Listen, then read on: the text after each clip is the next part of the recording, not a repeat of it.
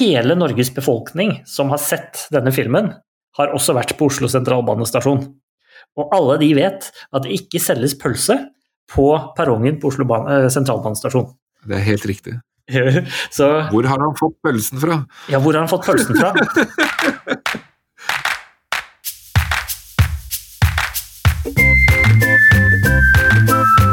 Hjertelig velkommen til ny episode av uh, Norsk film er. Vi skriver da altså episode ni. Og det er her vi snakker om uh, norsk film. Vi plukker ut én film som vi snakker om og nerder om, scene for scene. Og uh, til glede for deg. Jeg sitter ikke aleine her. ved siden av meg, eller et lite stykke unna, egentlig, så sitter, så sitter da Robert. Hjertelig velkommen. Tusen takk. Det er en glede å være her i dag også. I dag som vi skal snakke om en veldig spennende, spennende norsk film. Det stemmer det. Det er jo eh, min tur til å velge film. Og eh, ja, jeg må jo innrømme at jeg må komme med en liten rettelse fra forrige episode som, hvor jeg tisa dagens film, altså Elling fra 2001. For da sa jeg at uh, i filmen som vi skal snakke om i dag, så, da, så er det da Hovedpersonen er da Kjell Bjarne. Eh, det stemmer da ikke helt. Altså, han er jo riktignok en av hovedpersonene, men det er ikke han ene alene som er hovedpersonen. Det er jo også da selvfølgelig Elling som er eh, karakteren da, i filmen, som også er en av hovedpersonene. Spilt av eh, Per Christian Ellefsen, og Kjell Bjarne spilles da selvfølgelig av Sven Nordin.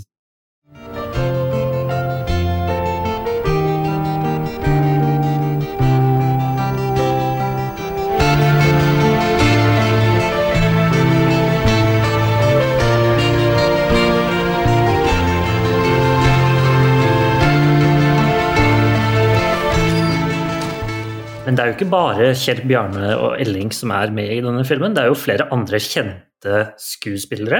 Stemmer. For eksempel så er det en karakter som heter Frank Åsli, som vi møter gang på gang. Han spilles av Jørgen Langhelle, som nå har gått bort. Ja. Og vi møter også Alfons Jørgensen, som er Per Christensen, en eldre skuespiller som har også gått bort siden de senere år. Han har jo vært med i mye rart, eh, ser jeg. Ja, veldig mye. Eh, fra veldig tidlig av, fra 50-tallet eh, allerede, og har spilt i mange mange filmer. 'Elling' er en av hans siste filmer. Ja. Eh, og så er det da Reidun Nordsletten, som spilles av Pia Jacobsen. Det er vel hovedpersonene i denne filmen, og personene vi møter oftest. Marit Pia Jacobsen heter hun. Ja vel. Ja, hun har et fornavn, eller enda et fornavn. Men hva hva husker du eh, fra den filmen? Jeg mener, Har du sett filmen fra før? Ja, denne filmen så jeg på kino. Og det tror jeg nesten hele Norge gjorde også. Ja, jeg så den, jeg også. Så. og det er jo ikke så rart, fordi den her var jo veldig populær, både blant publikum og, og kritikere også, eh, mener jeg å huske. Ja, jeg, jeg har sjekka lite grann, eh, og det jeg har kommet fram til at det har blitt solgt nesten 800 000 kinobilletter til Elling i Oi. 2001. Det er, gjør at den er Norges, antagelig, tror jeg, eh, Norges 14. mest solgte film. Mm. Det er ganske mye.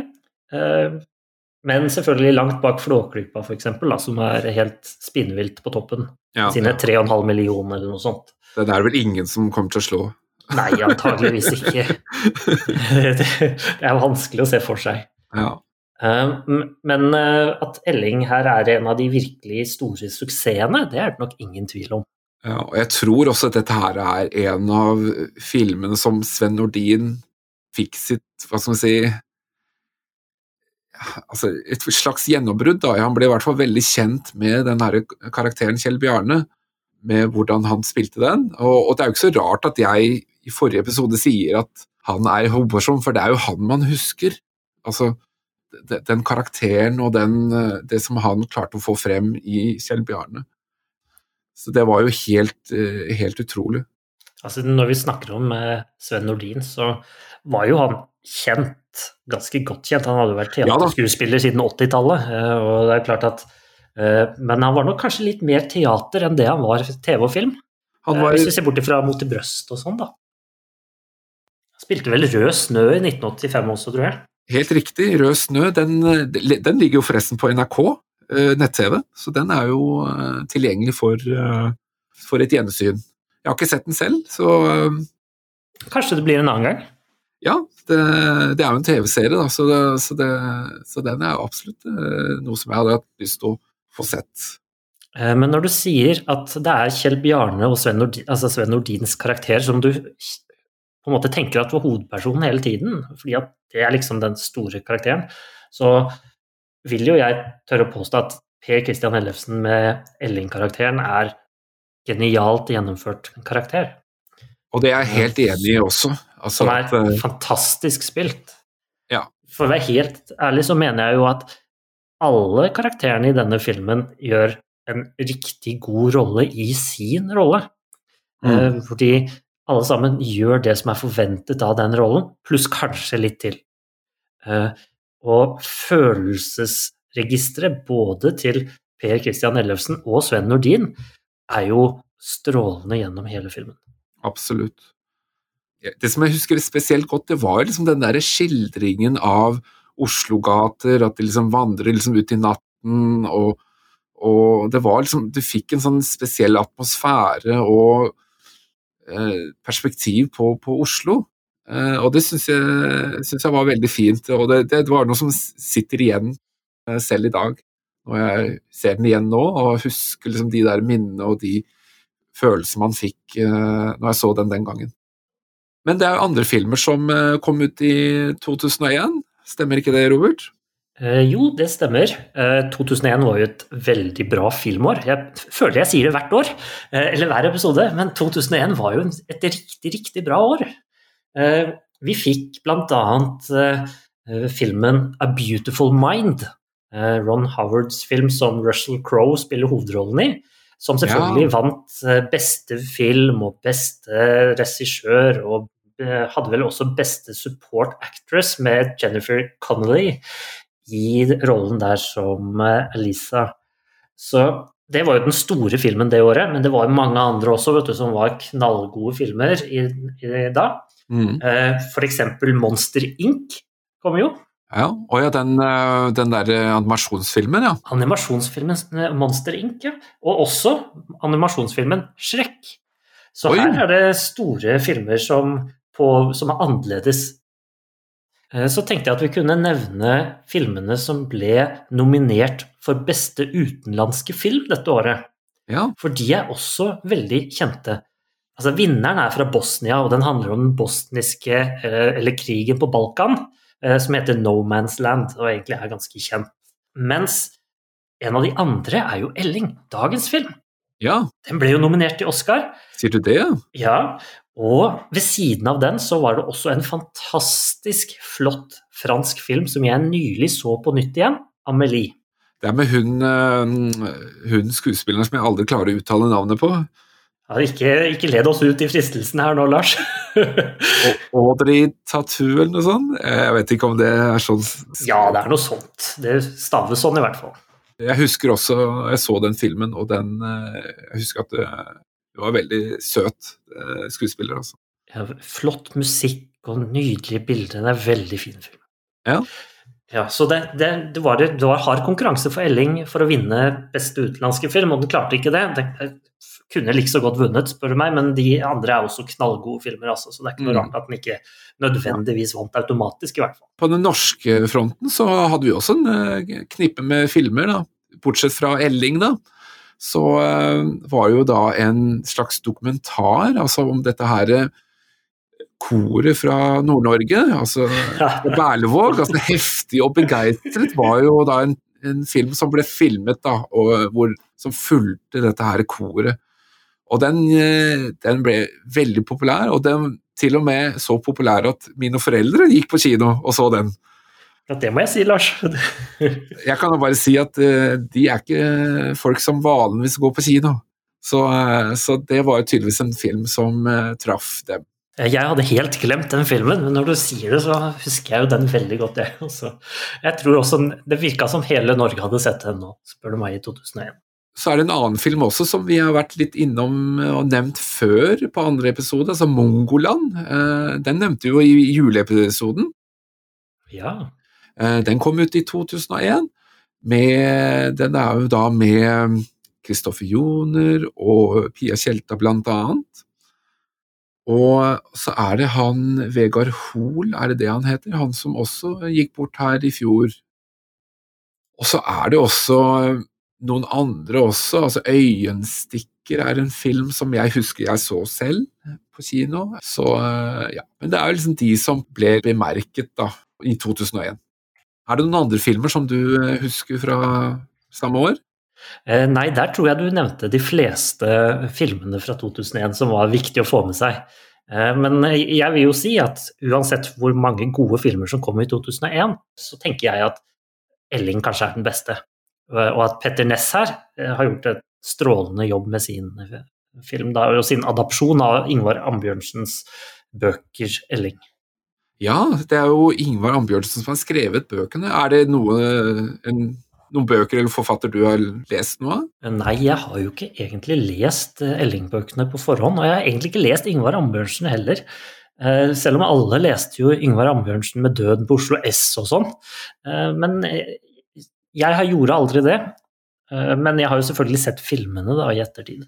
Neste episode er det jo du som skal velge film, Robert. Og denne gangen så er det jo en litt spesiell film. Det er det, og dette har jeg egentlig gledet meg kjempemasse til. Eh, fordi vi har jo tidligere hatt vanlige kinofilmer, vi har hatt animasjonsfilmer. Eh, vi har hatt det meste, men dette er en kortfilm. Ja, det blir spennende.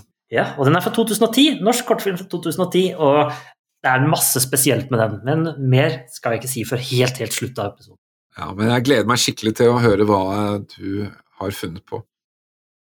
Grunnen til at vi har denne podkasten, er jo fordi at vi er kjempeglade i å snakke om norsk film, og vi lurer jo egentlig på om alle dere andre mener, som oss, at norsk film er litt undervurdert.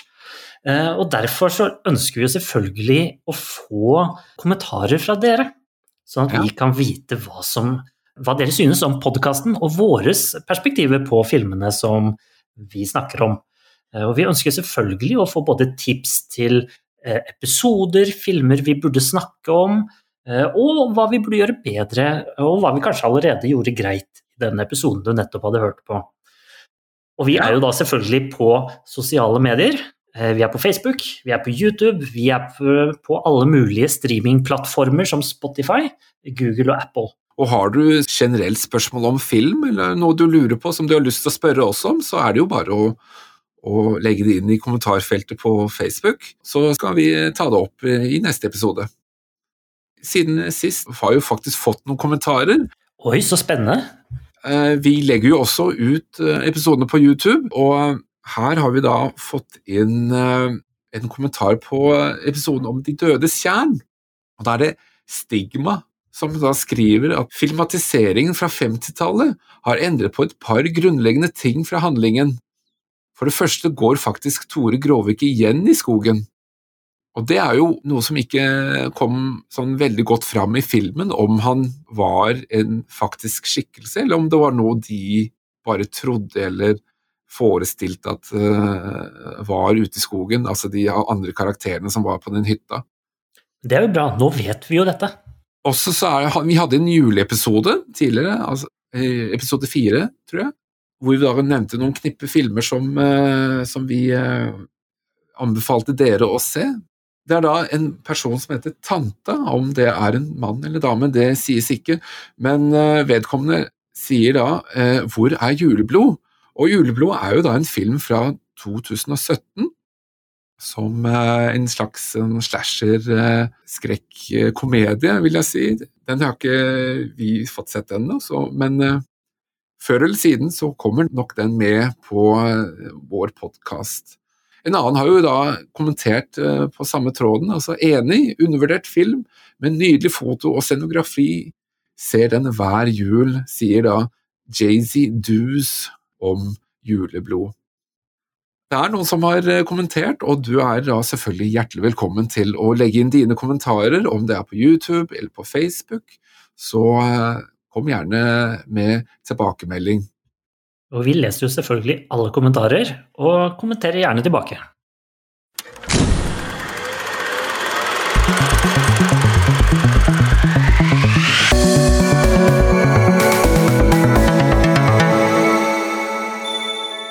Da er det vel egentlig bare å begynne på selve filmen og gå ned i materien her. Eh, Ja, Men da anbefaler vi jo deg å ha sett filmen på forhånd. For hvis ikke du har sett filmen på forhånd, så kommer jo vi og spoiler den på alle mulige måter, og vi avslører jo da handlingen og potensielt plot-twister og andre ting som eh, kanskje ville vært mer spennende å se selv for første gang, og ikke høre at vi forteller om det.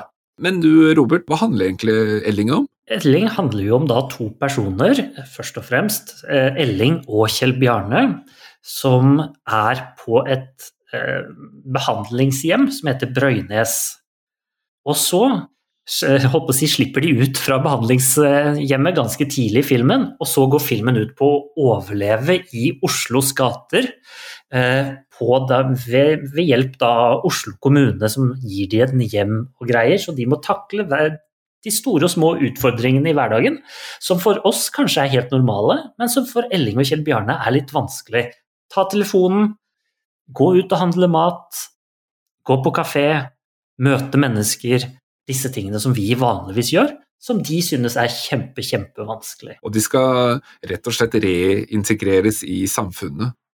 Ja, riktig. Når jeg så denne filmen, så minner den tematikken litt om en annen film som jeg også har sett, som heter da Bad Boy Bubby fra 1993. Det er riktignok en litt annen type sjanger, det er en sort komedie, men det er også om en person som har bodd isolert i et hjem, altså hjemme hos mora si, og så dør moren, og så slipper han da ut av eh, dette rommet eller den leiligheten han har bodd i, vært isolert i mange år, og man følger da den her personen, hvem han møter, hvordan han opplever liksom alle tingene på nytt. Det kan både være dramatisk og utfordrende, og ja, både for han selv og for andre rundt ham, for han har jo aldri møtt noen personer før. Så den er absolutt en film som har vært å få med også. Ikke norsk, eh, men, eh, men ganske interessant sånn hvis man er, først er inne på dette her temaet, da. Bad Boy Bubby fra 1993 heter den. Det første jeg sitter og tenker på, det er jo altså tittelen, altså Elling. For det er basert på en bok av Ingvar Ambjørnsen, men den heter da visstnok Brødre i blodet, er det det den heter, tror jeg. Filmen har da fått tittelen Elling, men Elling så får jeg sånne assosiasjoner med, til altså H.C. Andersen. Altså dette er eventyret med den stygge andungen. For den, Ja. heter, for den heter jo da Den gremme Elling. Ja, Om denne her lille andungen som er født inn i en andeflokk, og så Men han er jo litt annerledes. Han er liksom utstøtt av samfunnet, han henger litt etter. Men moren, da, eller svanen, eh, er jo da selvfølgelig glad i den her ungen, selv om eh, den er eh, annerledes. For meg så virka det helt naturlig at Elling er hovedpersonen, og får da navnet Altså får filmens navn, da. Eller kunne man jo tro. Mm. Selv om ikke nødvendigvis boka heter det. Den heter vel 'Brødre i blodet', som du sa, gjør det ikke det? Ja, jo. Og det er klart at Jeg mener også at den engelske tittelen heller ikke er Elling på denne filmen. Eh, Men at den Nei. har skiftet navn. Jeg mener den, den heter Elling på engelsk, men på en festival så fikk den en annen sånn festivaltittel.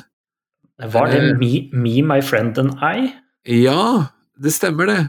Og da får jeg assosiasjoner til en annen film Ja, det gjør jeg òg.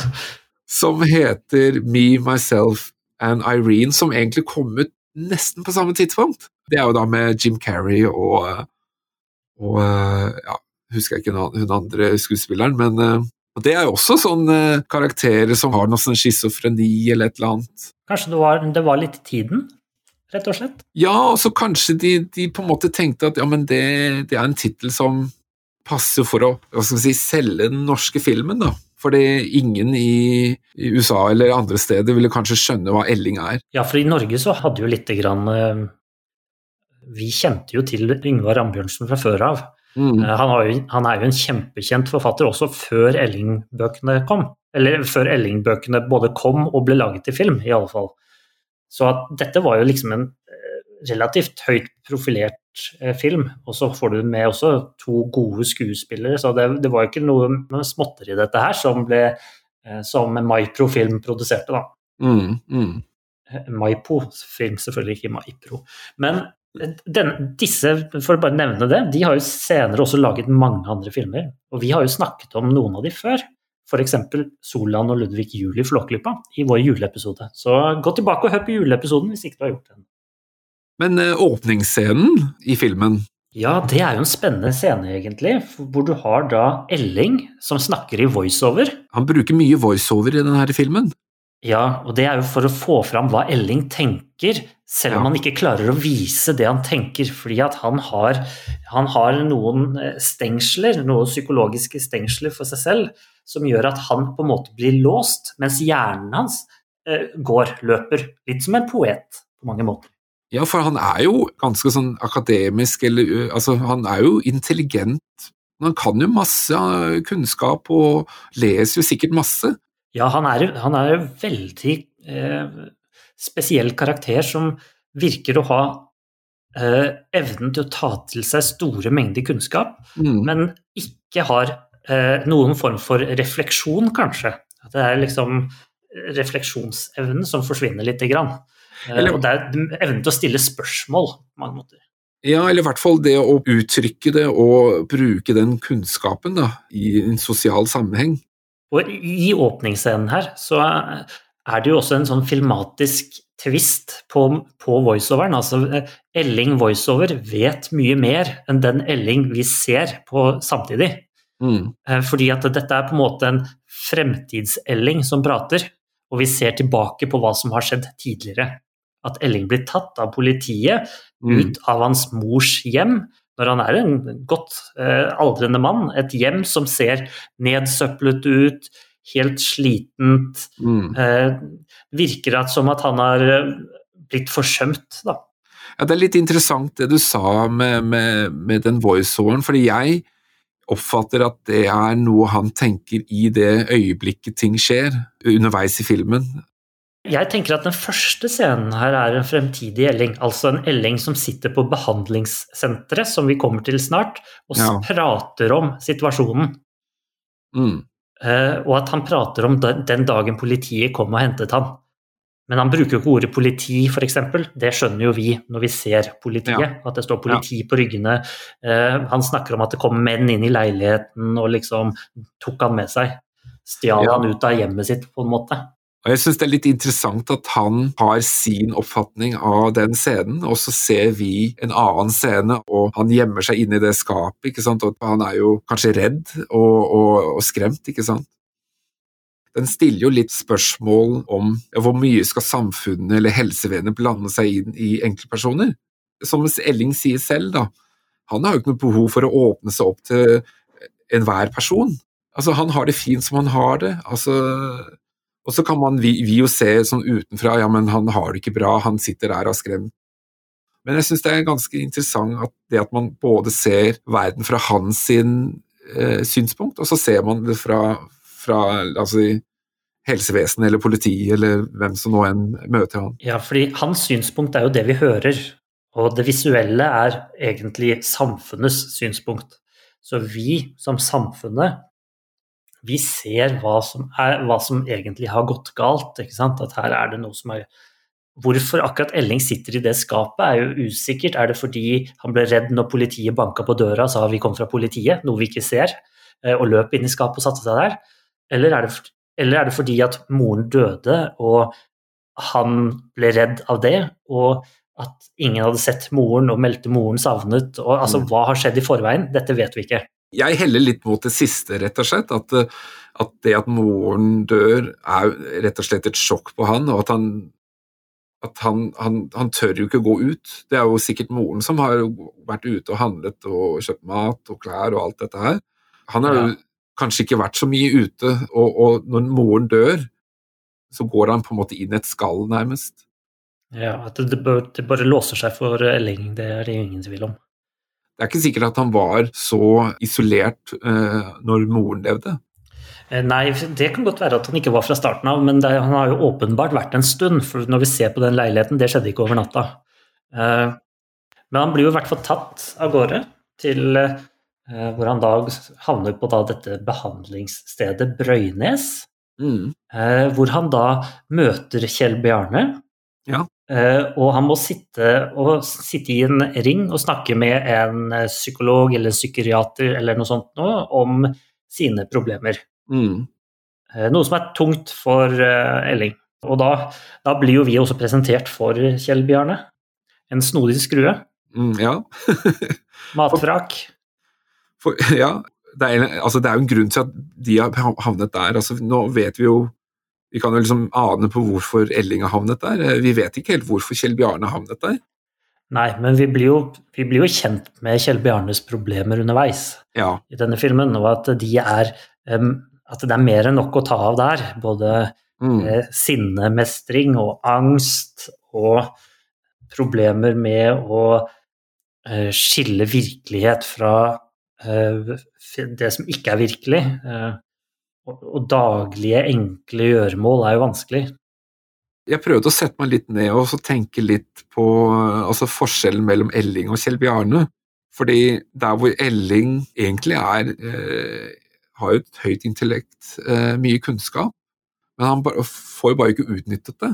Men han har jo ekstrem sosial angst og redd for å ta telefoner og åpne dører, og det er jo noe som vi ser etter hvert i filmen.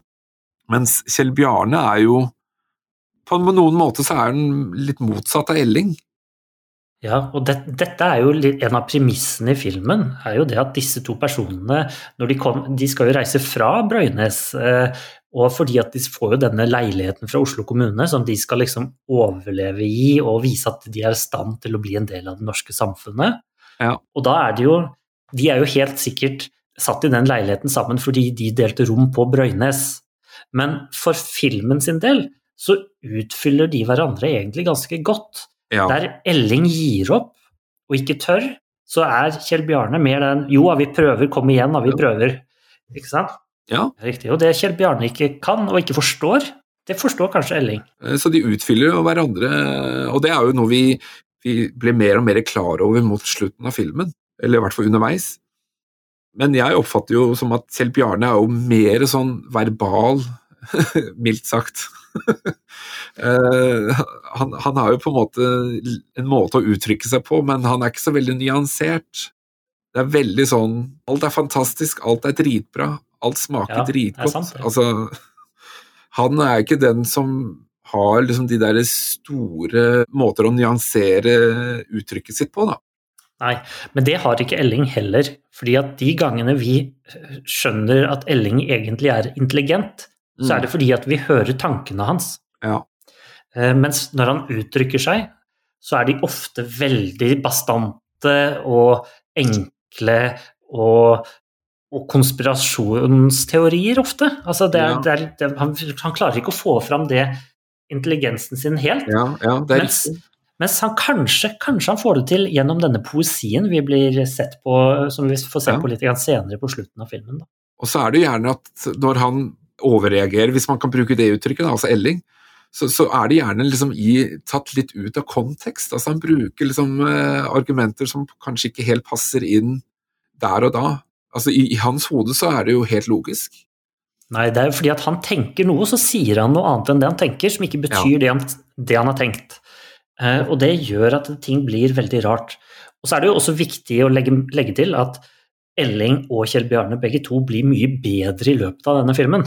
Mm. Sånn at de har jo en voldsom progresjon, og ja. filmen går nok over en ganske lang tidsperiode. Den går jo over en hel graviditet, ja. Eh, og lenger enn det også. Så det, dette er snakk om en god, god, stund hvor de faktisk får helt sikkert ganske mye oppfølging av da, Oslo kommune da, med denne hjelperen eh, fra Oslo kommune. Ja, Frank. Frank eh, Åsli, ja. ja som Kjell Bjarne selvfølgelig kaller for Frank Åsli. Frank Åsli, Frank Åsli. Eh, helt til Frank Åsli sier at det holder med Frank. Når de skal reise fra Brøynes til Oslo, så skal de jo bestille togbillett. Ja. Da gjør jo faktisk Elling det av denne konduktøren helt alene. Han får det jo egentlig til, men han skjønner ikke det som blir sagt. Nei, for hva er det egentlig konflikten er der? Eh, hvis, hus... Konflikt, konflikten handler jo litt om penger. altså at Elling syntes det var veldig dyrt. Ja. Fordi han hadde jo ikke tatt tog på 30 år, eller noe sånt nå. Ja, altså Det er faktisk en ganske god, uh, god replikk, det der.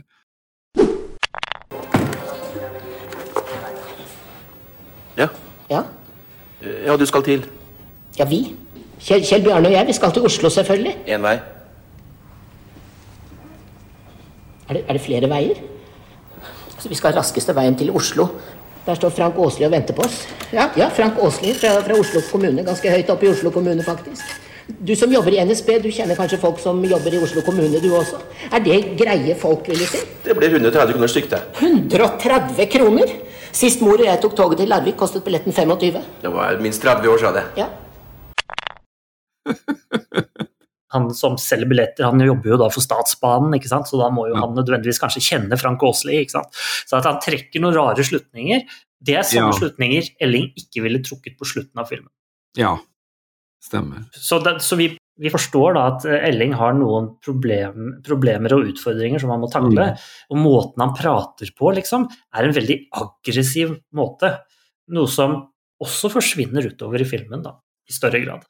Ja, og det minner også litt om at eh, han kanskje ikke har eh, de samme empatiske evnene som kanskje andre folk. Altså en forståelse for at ja, men det er ikke alle som kan sette seg inn i hans tankegang eller det han sier eller de trekningene han tar. Og så blir Elling litt sånn ja, men du må jo skjønne hva jeg mener. Eh, Ja. For å spinne videre på dette, her, på et tidspunkt i filmen så faller jo denne damen Reidun i trappa, mm, og Elling bare liksom blir, fryser helt. Han, han tenker at denne personen får bare klare seg selv, det spiller ikke noen rolle. Mens Kjell Bjarne på andre siden, han stormer jo ut og sier at dette her må vi, her må vi hjelpe. ikke sant? Dette er et Mm. menneske som er i nød. Eh, Vi må gjøre noe. Mens Elling tenker mer at det går nok bra om vi lukker døra og venter til i morgen. Ja. Da kan noen andre ta seg av problemet. ja. Litt sånn som at empatien hans er ikke sterk nok til å overvinne frykten. Jeg satt litt og, og lurte litt på hvorfor Kjell Bjarne egentlig havner på Brøysnes. Han virker jo ikke så Hva skal vi si Han har jo ikke den samme sosiale angsten. Han klarer jo å ta telefonen, er han som går i butikken og handler. Jeg tror han er der pga.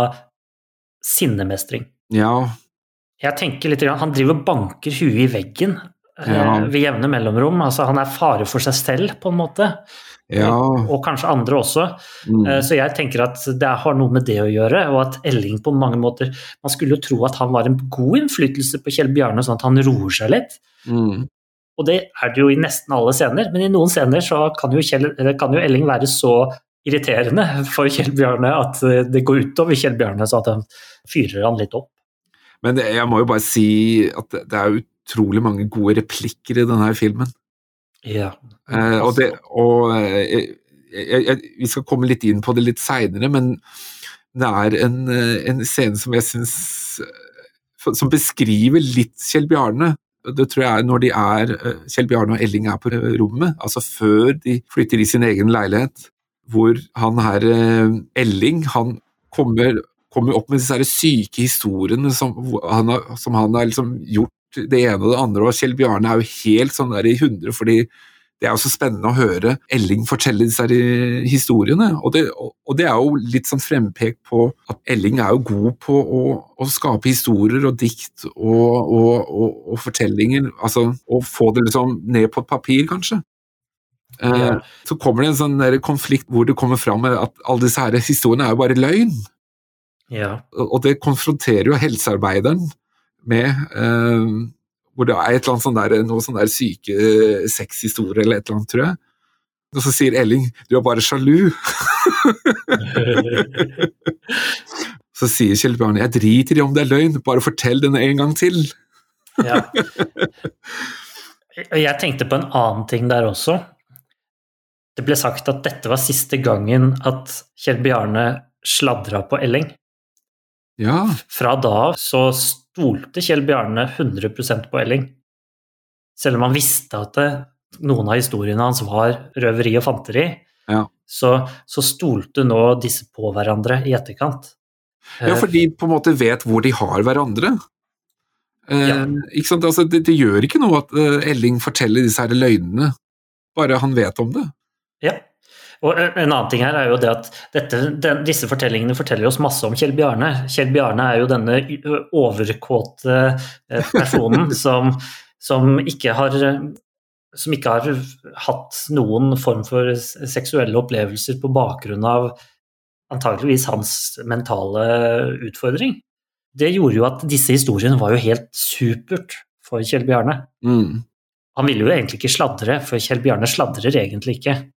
Nei, ikke sant? Men eh, videre her, Lars. Ja. Disse personene har jo nå tatt toget. Og der får vi òg se en typisk forskjell mellom Kjell Bjarne og, og Elling. Og det er jo det at når toget stopper på sentralbanestasjonen i Oslo, så går jo Kjell Bjarne ut og står og venter på at Elling skal gå ut av toget med sin gule koffert, noe han absolutt ikke vil. Vi, vi ser jo også at han, eh, Frank Åsli han løper jo rundt på toget for å se om han finner disse to kara som han skal eh, hjelpe. Og det, det krever lite grann Altså, han må dytte dem litt ut, da, altså Elling. Fordi Elling liker ikke å ta steget ut. Nei. Det spiller ikke noen rolle om det er ut av en togvogn, eller om det er ut i den store verden, eller om det er ut av leiligheten, eller om det er ut av skapet til eh, hjemme hos mora. Altså, han liker ikke å gå ut. For han er redd for hva som skal skje på andre siden. Ja, Han ja. vet det er trygt på innsiden, men på utsiden er det farlig. Mm, mm. Så jeg tror nok Elling synes det er lettere å gå inn på f.eks. diktklubben, enn han syntes det var å gå ut av diktklubben, egentlig. For eksempel. Ja, men det, det er jo et godt poeng. Eh, Og så er det en morsom ting til med den scenen. Når de faktisk kommer ut, så sier jo liksom Kjell Bjarne til han Frank sier da, at du er så sulten. Er det ikke noe sted å spise noe? Er det ikke mulig å få en pølse her, eller noe sånt? Mm. Og på veien opp fra eh, perrongen på Oslo sentralbanestasjon, så ser vi at Kjell Bjarne spiser pølse. Hele Norges befolkning som har sett denne filmen, har også vært på Oslo sentralbanestasjon. Og alle de vet at det ikke selges pølse på perrongen på Oslo eh, sentralbanestasjon. Det er helt riktig. Så Hvor har han jeg- fått pølsen fra? Ja, hvor har han fått pølsen fra? Jeg tror ikke det var eh, Frank Aasli som hadde pølse på innerlomma. Eh, Og grunnen til at jeg tenkte på dette her, var jo denne eh, Jo Nesbø-filmen som ble slakta så voldsomt, 'Snømannen'. Mm. Og den ble, en av de tingene som ble, den ble, ble nevnt at var dårlig med den, var at de hadde klippa steder fra Norge sammen, Ja, ja, det ikke, og det ikke hang på greip i det hele tatt. Jeg så den filmen sjøl, og, og, og jeg bare vrei meg i kinosetet. Altså fordi det, det er en scene hvor de er i Oslo, og så kjører liksom mot Sørlandet. Og så plutselig så er de på Atlanterhavsveien! Riktig. Og det, det, er jo, det er jo helt sinnssykt for oss som er fra Norge. En amerikaner ville ikke brydd seg katta om det. Nei. På samme måte som at vi sitter og vet at Kjell Bjarne kan ikke spise pølse på Oslo S Mm. eh, på perrongen. Så da satt jeg liksom bare Det var idiotisk. Dette burde du tenkt på. Du, hele Norge kom til å se denne filmen. Hvorfor i all verden kjøpte han ikke pølse på Narvesen? Det kan jo hende at i boken så er det det at, de, at Kjell Bjarne spiser en pølse. Men det er Det ikke kan sikkert, men det er ikke sikkert at de er på Oslo S. Men at For meg, for meg så er det en logisk brist. Da. Men de havner i hvert fall i Oslo, og de havner på en leilighet som eh, Frank viser dem. Ja, og Frank viser jo dem det store, det virkelig flotte, den store forskjellen fra Brøynes, og det er at nå skal de få lov å ha hvert sitt soverom. Ja, og hva er det det første de gjør? Ja, det første de gjør, er jo å putte begge sengene inn på samme soverom. I hvert fall så fort Frank Åsli har dratt sin vei. Og en, en annen ting også, det her med, med forholdet mellom eh, Elling og Kjell Bjarne. Altså dette her med disse historiene som Elling dikter opp. Plutselig så har jo Elling fått sitt første publikum. Ja, det er sant. Og det, og det er jo ikke sikkert eh, Elling har liksom opplevd før, men det er jo ingen som har brydd seg om de historiene. Har, han har jo bare blitt sett på som en skrulling. Ja. Eh, Men her har jo da Elling møtt eh, Kjell Bjarne som digger de der historiene, og, og, og da tror jeg på en måte det der båndet mellom Altså de første båndene da, blir knytta mellom de to. ja, det kan nok eh, være. Og det tror jeg er ganske viktig, for det er jo på en måte Altså, karakterene utvikler seg jo gjennom hele filmen, og det, det er bare kult å se at liksom setter inn noen sånne småting eh, underveis som, som, eh, som på en måte binder disse her karakterene sammen. Ja, slapp av. Oslo kommune spanderer. Kom igjen, Erling, vi skal ut og ete om Oslo kommune! Vi har jo nettopp kommet inn. altså Jeg begriper ikke hvorfor vi skal gå ut igjen. Dette er et nydelig hjem, og så skal vi hales ut for en eller annen matbit. Jeg tenkte at vi skulle gå og feire at dere hadde fått et nydelig hjem. Kjære venner, det fins da ikke noe mer naturlig sted å feire at man har fått et nydelig hjem enn i sitt nydelige hjem. Ja, faen ikke noe å ete på! Og dette er nok en ting som er veldig logisk for Elling. At endelig har han fått dette hjemmet antageligvis på samme måte som hjemmet hos moren sin, hvor han bare var inne. Hvor han bare var der. I det Elling sier det, så, så kan jeg godt følge han i det. Altså, akkurat når han, tenk, når han tenker den tanken, ja, men altså, det er jo hvor, Hvorfor ikke? Hvorfor skal man uh, gå ut? Man har jo hyggelig hjemme. Og det, og det er det jeg syns er så interessant. Altså, det, det virker så logisk for han, og det virker så logisk i det, akkurat i det når han sier det for alle andre og rundt han også. Ja da, eh, men her så er det jo sånn at Frank eh, kommer jo fra kommunen, han har jo på en måte en jobb. Han skal på en måte integrere disse to kara i samfunnet, og han har nok gjort dette flere ganger før. Han sier jo Ja. det at han har elleve andre som han passer på, eller ti andre han passer på. Eh, Og han vet nok det at jo fortere jeg får dem i gang, jo bedre blir det. Ja, ja. Eh, Så han presser jo på litt her. Og når det da Kjell Bjarne er skikkelig, skikkelig sulten, og liksom presser på han òg, så blir det jo til at de får litt vilje inn begge to. Mm. De skal feire hjemme, inne, men da må Elling ut og handle. Ja.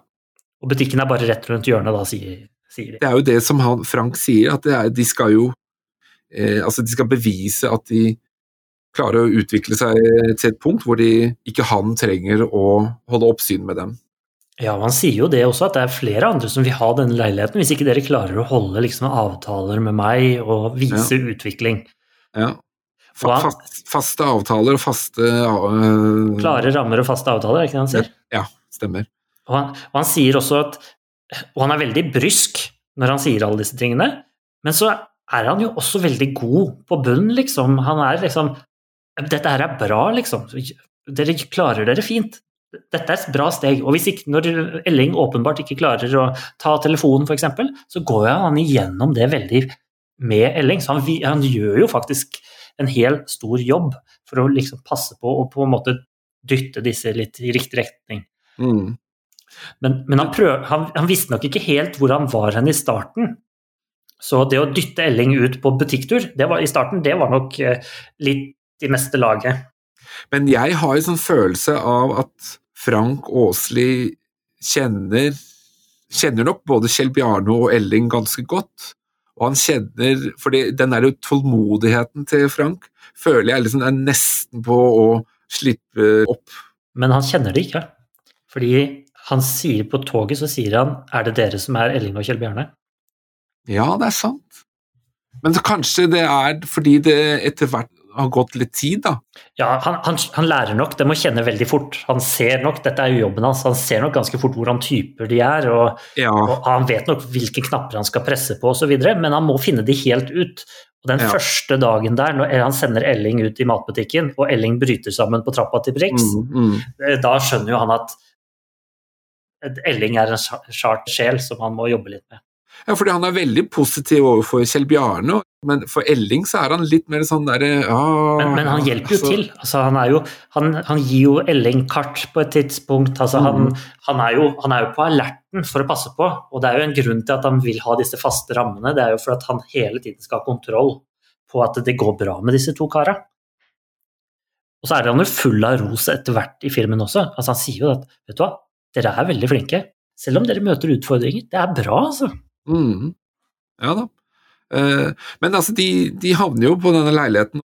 Men det som jeg syns er fint med, med den scenen her, det er jo at når Frank er borte, så begynner jo Elling og Bjarne, eh, Kjell Bjarne å, å samarbeide. De finner løsninger. Ja, da, for når Elling kommer tilbake til leiligheten med hjelp av Frank og Kjell Bjarne, så eh, sitter de jo og feirer med pizza.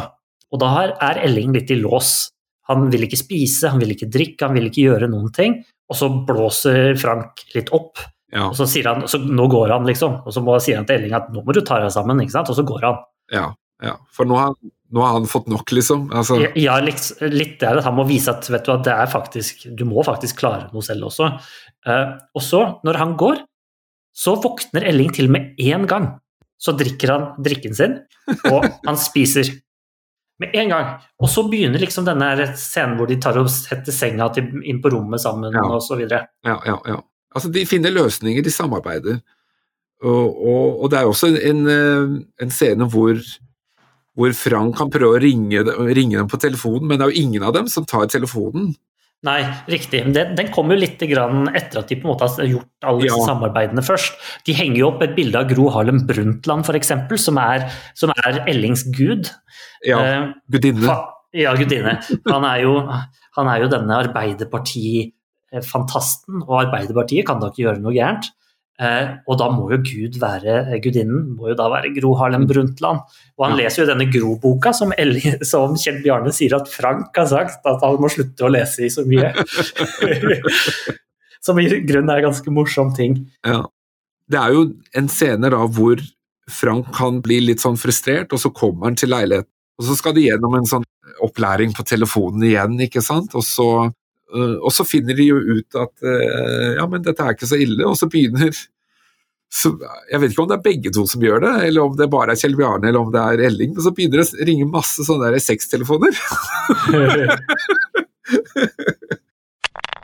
Det Elling og Kjell Bjarne nå har lært seg, det er å ringe og ta telefonen. Det de derimot ikke har lært seg, er å møte andre mennesker. Ja. Det er det liksom Elling, nei, Kjell Bjarne driver og pusher på Elling. Kan ikke vi gå ut, da? Kan ikke vi gå ut? Men Elling har jo dette problemet med å gå utafor døra, ikke sant? Ja. Så han kom på løsningen. Han har helt sikkert hørt om disse sextelefonene på noe tidspunkt. Han har jo alle disse her syke historiene, Ja. så han har jo sikkert fått det fra et eller annet sted. Så da ringer de, da sitter de hele natta og ringer, da, og helt sikkert flere netter på rad. Så får Eh, du og den gigantiske telefonregningen. Ja. 4000 kroner på sextelefon! Ja, men du sa vi skulle bruke telefonen. Ja. Ja, og da, da, da sier han at nå, nå må dere ta dere sammen. Eh, Mm. Dere kan ikke drive og holde på med dette her. Dere har en god trygd eh, sammen, og dere kommer til å klare å leve her bra osv. Dere kommer til å ha Mm. gode liv hvis dere bare tar dere sammen og jobber litt sammen på en god måte, og ikke Mm. roter bort pengene på, på sextelefoner. Det er en scene da hvor eh, alle går ut og ser en film, og de kommer hjem til leiligheten igjen til hvor Kjell Bjarne og Elling bor. Kjell Bjarne og Frank syntes jo det var en fin film, men Elling var, litt av en annen mening. Ja, det er jo også en veldig, en veldig morsom scene, eh, eller et morsomt filmatisk grep som de gjør, for hver gang de går ut av leiligheten, så er det det samme bildeutsnittet som brukes med denne veggen, med denne sponplata med, med noe graffiti på, eller nei, den, den greia hvor det står opphørssalg. Ja, den har jeg også lagt merke til, og den endrer seg litt eh, utover filmen. Men det som er tingen er at når de går forbi der, så er det alltid i litt sånn ultratotalt bilde, et sånn kjempestort bilde, så vi ser karakteren i full lengde og mer til. Mm, mm. Eh, Og, og når de er på vei til kinoen, så går de liksom sammen. Når de skal tilbake og det har blitt mørkt, så ser vi eh, Elling iler hjem. Mens liksom eh, Kjell Bjarne og, og Frank, de går liksom sammen, liksom. Ja, ja. Jeg, jeg la merke til den der butikken som de passerer hele tiden. Det er jo ofte det samme utsnittet da, som du nevnte. Og jeg la merke til at uh, første gang vi ser den, så er det panikksalg 20-40 Neste bilde, så eller neste gang vi ser den, så er det opphørssalg. Ja, Og så neste gang der igjen, det er liksom litt lenger ut i filmen, så er det da lokale til leie. Ja riktig. Så jeg syns det var litt artig at, den, at de faktisk har, har, har tatt med den der utviklingen av, av et nærmiljø som egentlig har ingenting med filmen å gjøre. Ja, det er helt riktig. Så det, det, det forteller jo at uh, kanskje disse personene som hadde med eh, sceneoppbyggingen å gjøre, eh, faktisk har gjort litt ekstra. Ja, og så viser det også at det faktisk går litt tid. Men tilbake til den her scenen med hvor de krangler om den filmen. Det er faen meg den beste filmen jeg har sett. Fin film, Elling. Hva er det for slags tid vi lever i, da? Jeg regner meg selv for å være et moderne storbymenneske med alt det innebærer av liberale holdninger, men jeg nekter å applaudere normoppløsningen! Du, det var jo bare en komedie. Skjønte du ikke at den var morsom, eller? Jeg skjønte at den ikke var morsom. Du har ikke skjønt noe som helst. Altså, det er da et eller annet med den filmen som han er helt totalt uenig om det er noe politisk eller noe Arbeiderparti Altså, han er jo veldig Ap, da. Jeg vil jo kanskje tenke at det var noe At det var en politisk sak, f.eks. Ja. Ja, Eller eller at det var bare de at retningslinjene i samfunnet endret seg. Altså at, at normene i samfunnet endrer seg fra ting som var ulovlig før, når han var liten, ikke lenger er så farlig. Og jeg vet ikke, at man var slem mot f.eks. For foreldrene sine, da. Ja, for jeg sitter og, og lurer litt på hvilken film er det egentlig de har sett? Hva slags norme er det egentlig Elling reagerer på? Når jeg tenker hvilke personer er det som betyr noe for Elling, det er moren hans, og det er Gro Harlem Brundtland. Ja, Og jeg kan ikke tenke meg at det egentlig er Brundtland det går utover, så da tenker jeg at det er en film hvor det handler om en mor som får, får gjennomgå. Vi vet det er en komedie, så det er tydeligvis noe som eh, en av karakterene får frem, at det er en komedie de har sett. Og så sitter jeg og liksom tenker, ja, er det noe meta over det? Kanskje de har vært inne og sett Elling? Altså filmen Elling? Altså, kanskje det er det eh, de vil at eh, Elling skal reagere på, altså hele ideen eller temaet i Elling-filmen. Altså det her med hvordan samfunnet behandler disse her eh, karakterer eller folk som er havner litt utenpå skråplanet eller utenfor samfunnet. Eh, det er ikke utenkelig at, at, at det er det Elling egentlig setter fingeren på. Hva slags film er det du tror eh, Elling og Kjell Bjarne og Frank har sett? Hva er det egentlig Elling reagerer på? Skriv gjerne til oss på Facebook, og kom med dine forslag. Vi ønsker å høre din eh, mening. Jeg tror den filmen er nevnt i boka. Men jeg har jo ikke lest boka selv, så jeg kan jo ikke si at den faktisk er det. Men jeg jeg vil tro at det er tilfellet, ellers så tror jeg ikke de ville nevnt det så tydelig i filmen. Nei, At han var, at han var så sterkt imot denne filmen. altså det virker som at det er et stort poeng da, i, i filmen, og kanskje boken også. Men det viser jo også at Elling forstår jo masse om samfunnet. Han er jo ikke total uvitende om hva som er riktig og galt, og hva som skjer i eh, samfunnet. Altså, han har riktignok vært isolert, eh, og, men han har jo eh, klare meninger og tanker om, om, eh, om samfunnet. Elling har nok en hel del meninger, men eh, det er jo ikke sånn at Elling nødvendigvis har så mye begrunnelse for eh, meningene sine. Men en ting som jeg tenkte litt på, det er at jeg vet ikke om dette er dagen etter de på en måte har vært og sett denne filmen. Så når Frank har dratt, og liksom Kjell Bjarne og Elling skal legge seg, Mm. så driver Kjell Bjarne og sier du kan ikke vi bare gå ut og møte folk. Dra, bare på, dra på kafeen eller noe sånt. Mm. Ja. Og da legger jo Elling seg på senga med henda bak hodet og sier ja, det kan vi gjøre. Ja. Jeg, det, hva skjedde?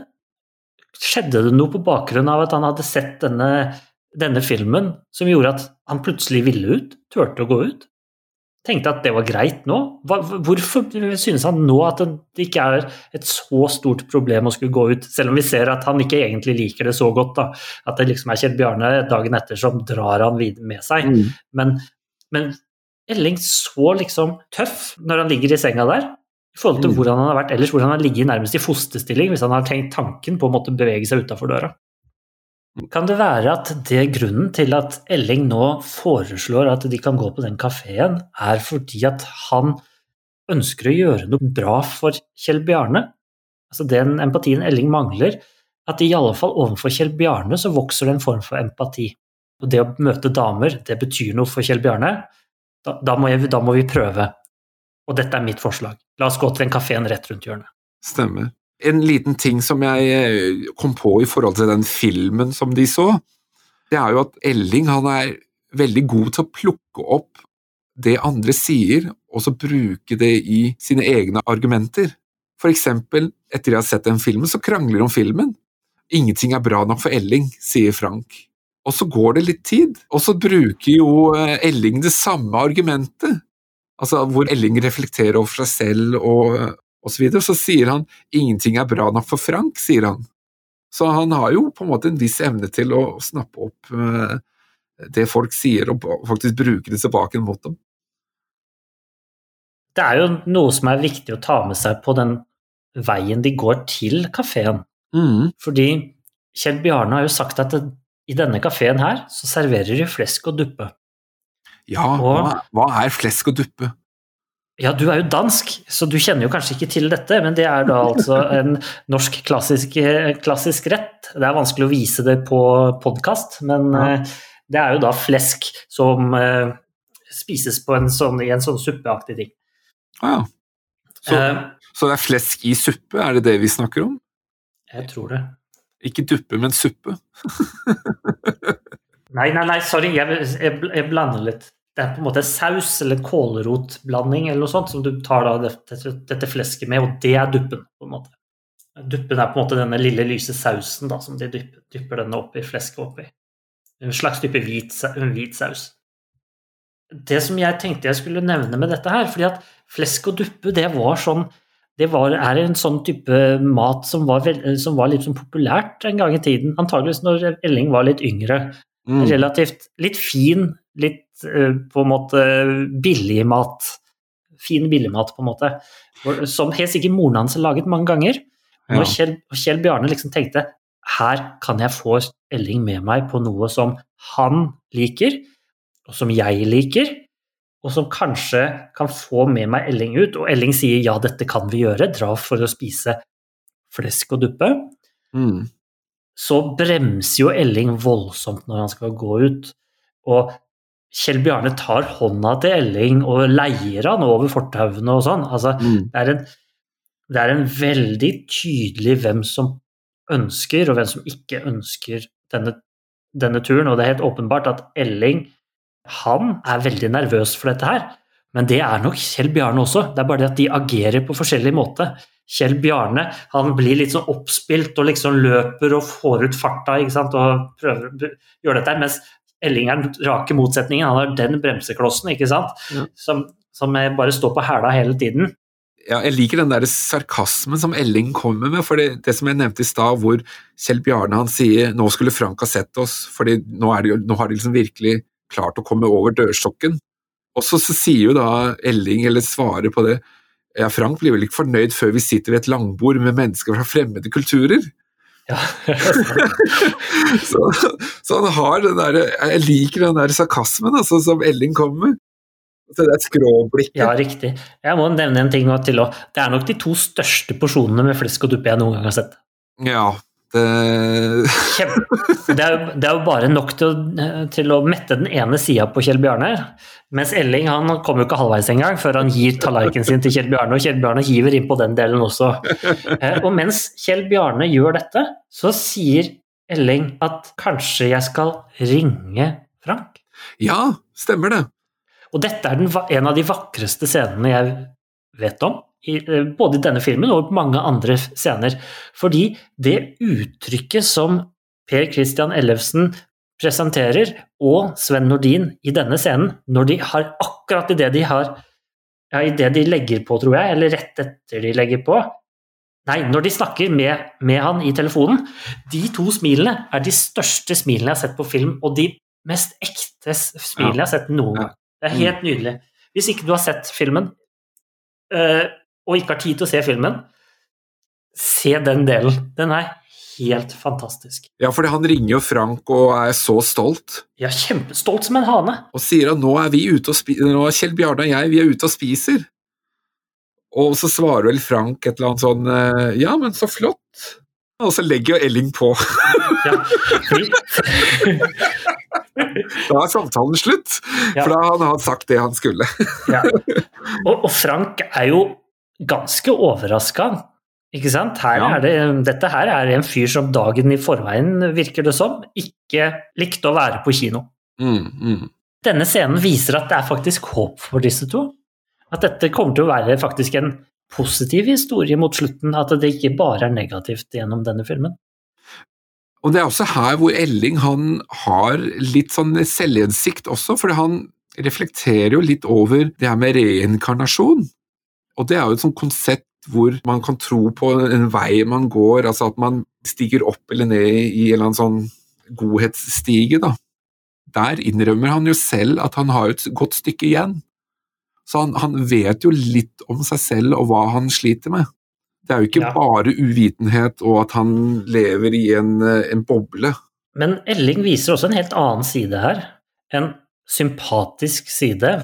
Jeg tror Kjell Bjarne på en måte låser opp en av problemene til Elling med sin på en måte vennlighet overfor Elling, og at det er med på at kanskje han åpner seg litt sånn som han kanskje var hjemme hos moren sin, noe sånt nå, et eller annet. Men så går de jo på denne restauranten, og de er der lenge.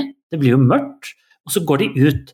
Så sier Ja. Elling jeg har en overraskelse til deg. Ja, Fordi at han husker jo hva er det liksom Kjell Bjarne har snakket om. Og det er jo disse damene. Riktignok hadde de fått en forsmak på pupper inne i restauranten. Men denne kultiverte Elling visste, var jo at det finnes jo en park i Oslo full av nakne mennesker. Frognerparken. Ja, ja. Ja, eller Vigelandsparken, da, om du vil. Med, med, med Gustav Vigeland sine statuer. Og Kjell Bjarne skjønner jo ikke at det går an at det går an av nakne damer som statuer rundt omkring, og han legger seg inntil disse og koser med statuene, og liksom er Han er i himmelen i Vigelandsparken. Altså, jeg- ser jo for meg at de liksom har tilbrakt flere timer der. Ja, og det, det regner, og det virker jo ikke som at de bryr seg, og de går rundt og smekker dem på rumpa, og? Altså, de, de er jo helt upassende, men dem er jo seg selv, og de forsøker så godt de kan, og de er jo ikke i veien for noen, eller Nei, det, nei. det er ingen som burde føle seg støtt av dette her. Altså, jeg, Så- jeg liker hvordan de, altså disse karakterene, altså Elling og Kjell Bjarne, som oppdager samfunnet sånn litt etter litt. Altså Hvor Elling stadig tør å overskride grenser. At, at disse grensene, at Elling tør å overskride disse grensene, og begeistringen som Kjell Bjarne over nye ting. ikke sant, Eh, Flesk og duppe og disse statuene, ikke sant. Ja. Altså Begge, begge oppdager Oslo. Ja, riktig. Og eh, Elling er, han er jo på denne urin, urinalen på den, dette offentlige toalettet rett før han ringer til Frank. Så han, han, han, Elling er jo på en roll denne dagen. Altså. Han, Ja, ja. han åpner seg jo voldsomt. Kafé, ringe, urinal og tur i Vigelandsparken. Det er fire ting han absolutt ikke ville gjort, normalt sett.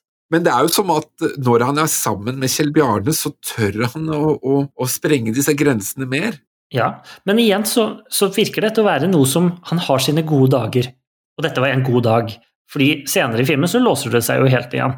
På Ja, flere ja. situasjoner. Men jeg vil bare nevne en annen ting. Om Vigelandsparken. Vet du hvordan Vigelandsparken er finansiert? Jeg har hørt det en gang. Eh, Jeg studerte jo kunsthistorie, så jeg har nok hørt det, men, eh, men jeg, nå har jeg glemt det. Ja. Vigelandsparken, det er jo midler Gustav Vigeland fikk fra Kulturdepartementet.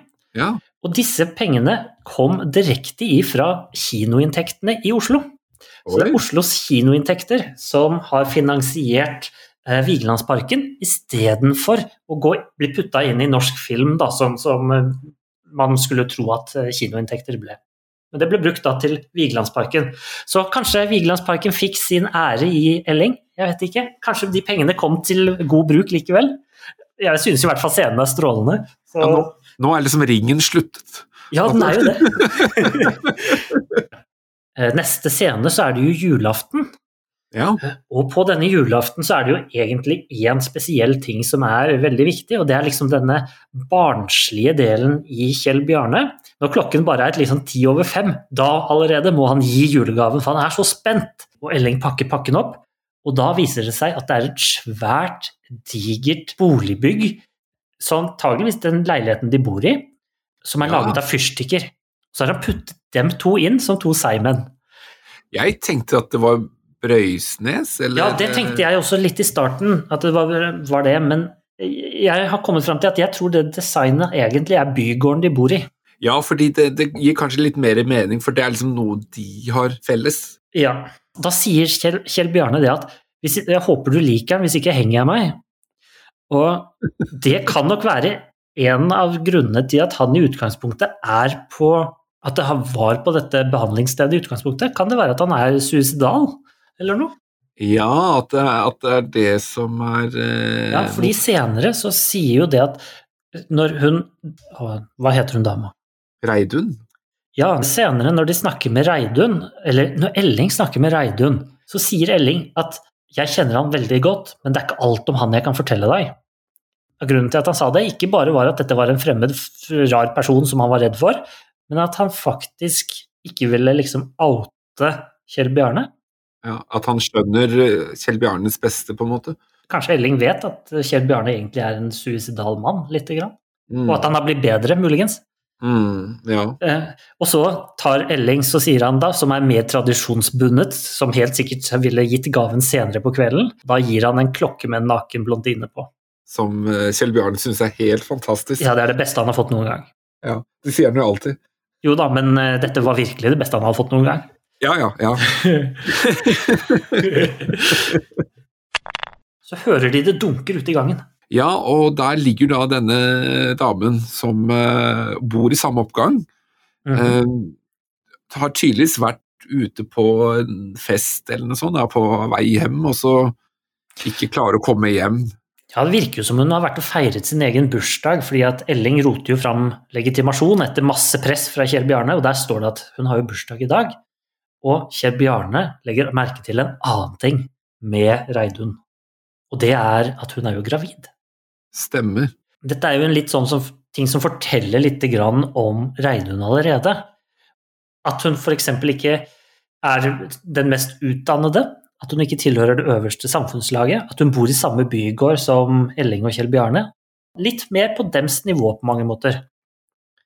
Selv om hun er oppegående, da. Men hun har jo tydeligvis tatt seg en fest. Ja, en skikkelig fest. For hun ramler jo i trappa. Altså, hun har ingen kontroll på seg selv. Men det at Reidun dukker opp, er jo på en måte et vendepunkt i hele filmen. Ja. eh, På, på flere måter. Fordi Kjell Bjarne dukker jo opp, og så hjelper jo han Reidun inn i hennes leilighet. Bærer henne rett og slett opp. Kjell Bjarne bærer. Stadig vekk bærer han folk i den filmen. Ja, det gjør han flere ganger. Elling reflekterer også over dette her, at eh, Kjell Bjarne, han er en bærer. Ja. men men da, da, da skaper de jo på en måte en kontakt mellom eh, Kjell Bjarne og Reidun. De eh, begynner jo å like hverandre, i hvert fall. Eller det skjer i hvert fall et eller annet sånn utover det, filmen. det som liksom skjer her Kjell Bjarne passer jo på Reidun Ja. når, hun, når hun er, når hun er fyllesyk, og han sier det at 'dette har jeg gjort for moren min' mange ganger. Mm. Så at det er helt åpenbart at moren til Kjell Bjarne slet med alkoholproblemer osv. Sånn at Kjell Bjarne har, har ikke samme forhold til sin mor som det Elling f.eks. har. Eh, og, men så, til Ellings store fortvilelse, så tar jo han og passer på Reidun. Eh, og, og blir der over natten og passer godt på og sørger for at hun blir, får, får kastet opp, og at alle tingene er på stell. Mm. Eh, og er ikke spesielt redd for at en mann skal dukke opp, f.eks. Eh, Men dette her at hun, Reidun, dukker opp, er jo eh, altså, viktig på, på, på den måten at altså, For det er et eller annet som skjer i, i, hos Elling. Altså, det klikker hos Elling. Ja. Fordi dette her er jo litt av fortrinnet til den her krangelen som Elling og Kjell Bjarne har. Fordi eh, Elling vil jo, altså som den intellektuelle, han vil jo ha et bibliotek med bøker og, og henge opp bilde av Gro Harlem Brundtland osv. Og Kjell Bjarne vil jo ha et eh, verksted hvor han kan snekre og drive med sin hobby. Og de har jo en voldsom krangel, og det er nok fordi at Elling føler en trussel med at Reidun kommer inn i livet til eh, Kjell Bjarne. det gjør han nok. Eh, det, det fine med den krangelen er jo at de får jo en god løsning på dette. her. De deler jo rommet til slutt. Ja, Eh, sant? Begge får sin, eh, sin eh, hobby. Eller begge får ikke nok av sin hobby. Altså en av de to. Men Ja. jeg, jeg vil bare tenke en ting til. Fordi han har jo egentlig klart å lage seg en kontakt med et annet menneske av det andre kjønn, noe han aldri tidligere har gjort i hele sitt liv. Dette er jo et kjempeviktig punkt for Kjell Bjarne i hans utvikling mot å klare seg i samfunnet. Og, og, og Elling ser jo dette som den store trusselen, fordi nettopp. i Ellings øyne så er det jo Elling som, som leder Kjell Bjarne. En annen ting som skjer den julaften der, som er viktig for hele fortellingen videre, er jo at Elling begynner å dikte. Ja, stemmer. Han dikter jo, han sovner jo på sofaen i sine dikt hvor han skjønner at «Oi, vet du hva, kanskje det er dikter jeg er? Det er jo egentlig starten på det å oppdage seg selv, altså det som egentlig filmen ender med. Ja, helt riktig. Og, og, og det er jo klart at når Kjell Bjarne dagen etterpå kommer, så klikker det jo for Elling. Og dette er nok på en måte De skjønner nok etter hvert her at etter denne krangelen så går, går det nok litt tid, og da deler de dette rommet som de krangler om, egentlig. Et annet resultat av den her krangelen og si, løsningen som de finner, altså at de deler dette rommet med et verksted kombinert med bibliotek, fordi Kjell Bjarne har møtt Reidun, så begynner jo Elling å søke ut av leiligheten. Ja, det gjør han, han. push, han pusher seg selv ut av sine trygge, vante omgivelser, og oppdager den her poesiaften. Ja, nå ser det ut som han er en deltaker i KGB. Ja. Fordi, fordi han oppdager jo en, eh, Han leser jo en, eh, en annonse i avisen på noe poesiaften. Hva er det du skal da, Elling? Jeg skal på diktmøte. Dikt. Dikt, ja, diktmøte! Det er et veldig viktig møte i kveld om moderne norsk lyrikk. Veit at du er gæren, du. Det er for helt Ja, sikkert. ja, ja. Så nå er man gæren og bare fordi man går på møte. Alle mennesker går på møte, Kjell Bjarne! Og jeg går på diktmøte, for jeg er nemlig opptatt av lyrikk. Det er jo veldig spennende akkurat dette her, fordi jeg tror jo det er Dette henger sammen med at Ellie, altså Kjell Bjarne sier at han er invitert, og begge to er invitert opp på middag hos Reidun. Ja, Og så, fordi Elling er helt sånn, han er, han er i lås, ikke sant? For han vil ikke på dette her, og vil ikke ha noe med denne Reidun å gjøre i det hele tatt, og er helt i lås.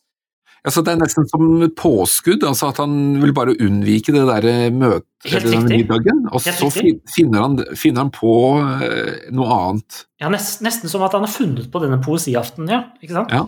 Fordi plutselig så er han helt klar og sånn, ja. Så at han er, han, men han virker eh, helt låst på dette.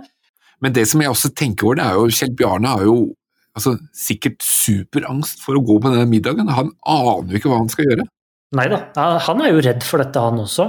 Og vil ha med seg Elling, selvfølgelig. Ja, ja, ja. Eh, Men han sier jo også det at når han Det er noe med Kjell Bjarne som gjør at han ser at Elling har, et, har det vanskelig. Min drøm er å være hos denne damen, men jeg kan droppe min drøm for å hjelpe deg. Mm. Akkurat den der scenen med den der poesiaften, eller hele greia ja, med den. han møter jo Frank på vei ut. Ja, det gjør han. Er det der han får eh, kartet, sånn, hvor han, fordi han skal finne det stedet? Ja, og så sier han jo til Jeg skal jo på poesiaften, og den begynner klokken åtte. og, Frank sier det. Jo, men du må ikke komme klokka åtte som poesigreier. Det starter jo seint på kvelden, klokka ti-elleve. Ikke sant? Ja, ja. kommer med en gang da. Han skjønner jo dette, og sier likevel til Elling at vet du hva, gå med en gang, du. Ta den tiden du trenger, dette klarer du. Du, dette, her, her viser han litt støttende holdning, holdning. Akkurat det der med det der tidspunktet og, og dørene åpnes og bla, bla, bla. Akkurat det der kjenner jeg litt igjen, for det har jeg gjort akkurat det samme selv. Ja, og dette her er jo noe du gjør første gangen, ikke sant? Og det her, dette her er Ellings første gang. Han er en godt voksen mann, men altså, dette er første gang han skal være med på noe sånt nå. Og det er klart, dette er en del av hans sosialiseringsprosess, hvor han må lære seg de sosiale kodene. Sånn som at hvis vi drar på kino, så vet vi at det kommer til å være reklame før kinoen. Men for han så er jo dette her et kjempeproblem. Ja, og jeg må bare si det at alle disse, denne voiceoveren som hele tiden følger med eh, Ellings tanker, er helt strålende gjennom hele denne prosessen her, og egentlig hele filmen, men altså spesielt i den prosessen. Per Kristian Ellefsen eh, altså han gjør bare en fantastisk rolle. Altså. Men det der med å, å, å være så subtil og nyansert. Ja. Altså Hvordan han legger frem replikkene, og hvordan han reagerer og spiller rollen. altså Alle disse her små faktene, hvordan han går og hvordan han ja, Det er helt uh, fantastisk rolle, altså. Jeg har jo for så vidt hørt en podkast som jeg mener heter Bak scenen, eh, med da Per Christian Ellefsen snakket om sin rolle, eh, Elling. Da, legger han fram hva han tenkte, hvorfor han gjorde sånn som han gjorde. sånn. Så veldig fint. Eh, Men så sitter jo Elling her, da. Han sitter jo i denne baren, han spør om å få en solo, ikke sant? og har åpenbart sittet der kjempelenge. Jeg lurer på hvor mange soloer han har drikket. eh, Ja, ikke sant? Antageligvis fryktelig mange. Og han lærer jo litt sosiale koder etter hvert. Fordi Ja. han ser jo da denne eh, personen knipse. Er det Alfons som knipser da? Eller er det bare en vanlig annen person som knipser? Jeg tror det er Alfons, faktisk. Elling sitter jo når han drikker denne soloen, så tenker han liksom at det var solo, eller så var det døden, ikke sant? For han var, da, var, det var altså innmari tørst. Ja. Og Elling han har prøvd å få tak i en ny solo hele tiden. Og så får han ingen solo, for han får ikke tak i denne her bartenderen. Så han tar da knipser. Da får jo han en øl. Og da, ja, da vet han jo ikke mer enn at han sin armer rå, så han tar jo en liten sipp av denne ølen da, som var mer enn nok for Elling, stakkar. Men, men det er det jeg tenker på akkurat på dette tidspunktet i filmen. Altså, hvor viktig Elling egentlig Nei, unnskyld. Hvor viktig Kjell Bjarne er for Elling. Ja. Hadde ikke Elling møtt Kjell Bjarne, så ville jo ikke de ha bodd sammen. Kjell Bjarne ville ikke ha møtt eh, Reidun. Og Elling ville aldri turt å gå ut på denne poesiaften. Jeg har aldri i verden at Elling hadde gått ut hvis ikke det var for det.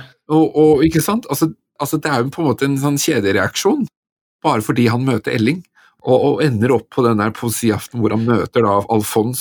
Og for en poesiaften. ja.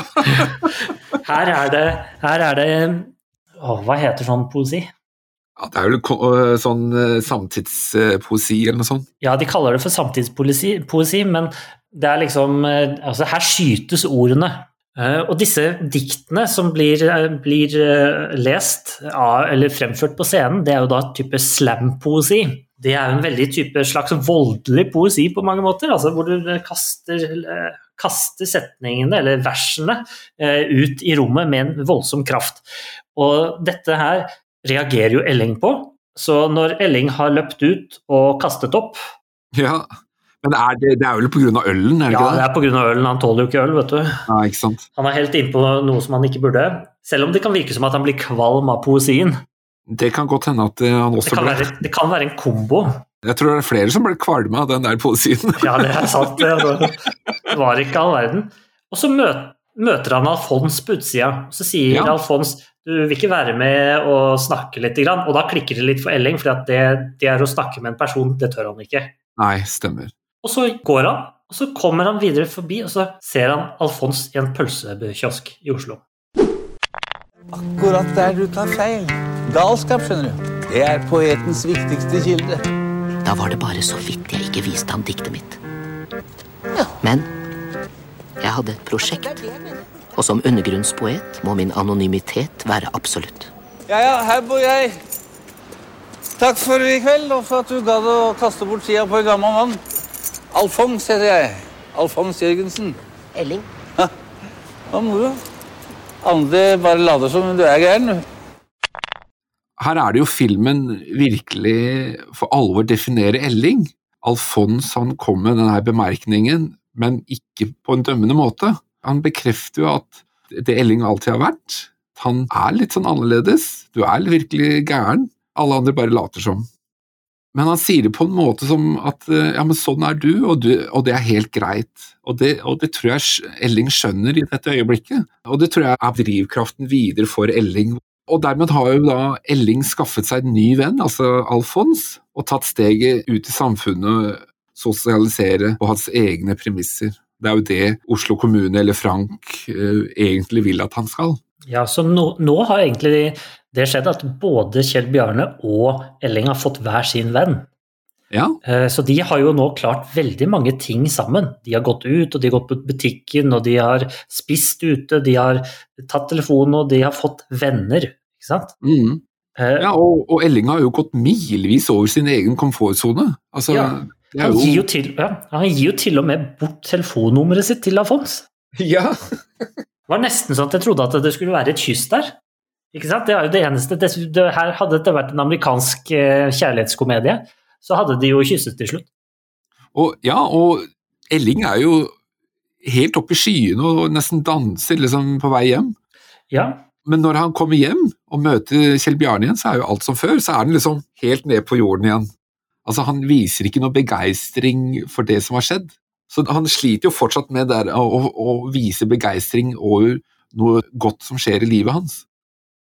Kjell Bjarne på sin side viser jo lite nyanserte følelser eh, når han skal ordlegge seg. Det er jo alltid sånn alt smaker dritgodt. Eh, det er den beste desserten jeg har smakt, for eksempel. Altså, det er jo Alt som er godt, er på en måte på samme nivå. Altså, det er ikke noen nyanserte eh, beskrivelser i forhold til Kjell Bjarne.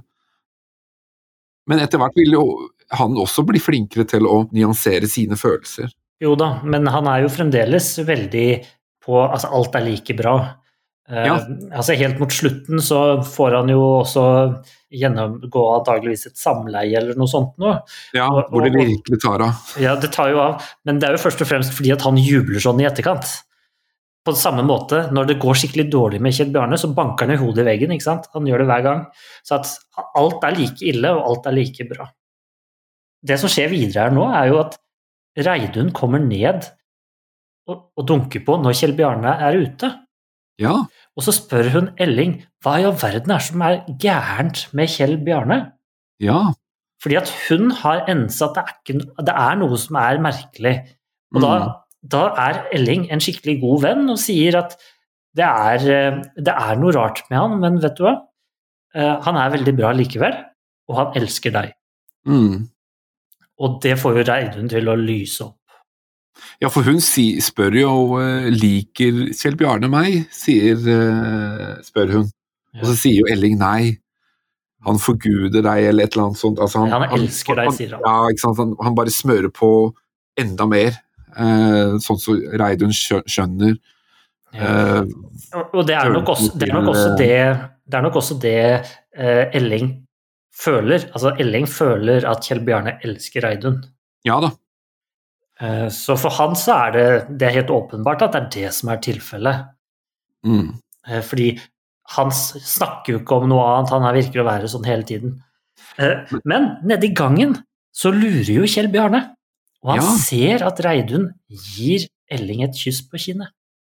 Ja, og da mistolka han jo situasjonen litt. Ja, så han tror jo at Elling er ute etter Reidun. Ja. Og han holder jo på å ta livet av Elling.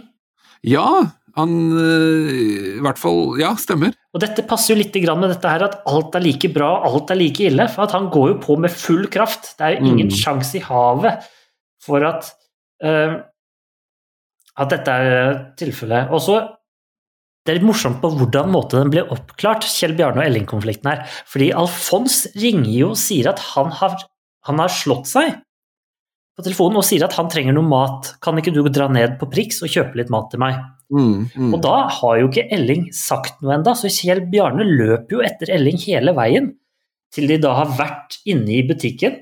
Så sier Elling eh, at hun elsker deg. Da skjønner Kjell Bjarne også at Elling er faktisk ikke ute etter Reidun, men Reidun er glad i, Kjell, glad i han, da, altså i Kjell Bjarne.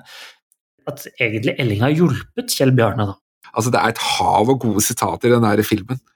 Hvor, eh, nettopp der hvor eh, de skal kjøpe inn mat for Alfons. Og så eh, sier jo da Elling i voiceover at Kjell Bjarne og Elling er de Majorstuens nye nødhjelp for gravide og eldre. Ring dag og natt. Det er helt sant. Også den her replikken tidligere som Alfons sier. Andre bare later som, men du er virkelig gæren. Det er bare gullkorn hele veien. Og det stopper jo ikke her. Altså når, når Elling går inn i leiligheten til Alfons, eller i oppgangen, så dukker jo Kjell Bjarne opp fra bak en konteiner. Ja. og da sier han 'driver du og forfølger meg?' Og så kommer de da inn, da, begge to går inn. fordi at Elling er litt irritert over at uh, egentlig Kjell Bjarne følger han inn i leiligheten til Alfons. Mm. Og da kommer Elling inn i en helt ny verden som han ikke trodde var mulig, hvor han ser alle bøkene til Alfons.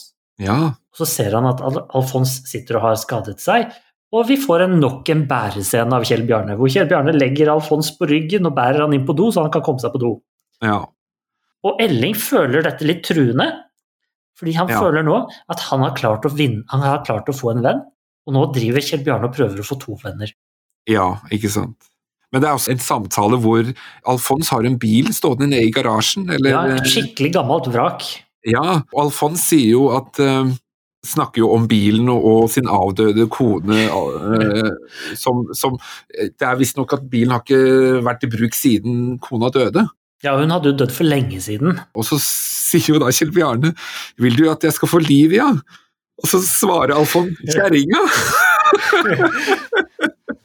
Eh, altså det er mange gode gullkorn her, altså. Ja, det er, det er helt riktig. Og de, det er jo helt klart at de har jo en litt sånn felles lidenskap for denne bilen. Og denne bilen minner nok Alfons om kona, og han vil nok gjerne se at den eh, blir kjørt, istedenfor at bare rampeungene driver og ramponerer den. Ja, Kjell Bjarne får jo lov å, å mekke på den. Og dette her er Elling veldig tvilende til. Ja, for nå har jo plutselig altså Tidligere har jo Reidun liksom kommet inn og forstyrra vennskapet mellom han og, og Kjell Bjarne, og så er det jo vennen, altså Alfons, som Elling har fått. Nå begynner Kjell Bjarne liksom å, å, blande seg inn i han, altså, ikke sant? Elling føler seg jo fryktelig truet av dette her. Men Elling har en plan. Og den ja. planen heter Surkålpoeten. Ja. Han har tatt med seg mange surkålpakker fra butikken som han har kjøpt. Ja. Hvor han har et mål om å levere surkålpakkene tilbake inn i butikken med ja. poesi på innsiden. Sånn at når noen kjøper surkål, så vil de lese poesien han har skrevet. Og på den måten mm. så blir han en publisert poet. Ja. Eh, og dette er jo en kjempegod tanke, rent bortsett fra at det ser litt suspekt ut når du driver og putter dette her tilbake inn i butikken. ja, han vrir seg unna, da. Ja, han blir jo tatt, ikke sant? så han blir, må jo vri seg unna. Og her viser jo Elling at her han har kommet langt, han siden at han låste seg helt når han bare så utgangsdøra. Og så hopper ja. vi litt i tid igjen, sånn som vi ja. pleier å gjøre. Kjell Bjarne er vel godt i gang med å fikse den der bilen, og alle er vel sånn mer eller mindre med på det? Ja, det vil si Elling i mindre grad. Han har mer problemer med teftingen nå. Ja. ja, det kommer litt seinere. Ja.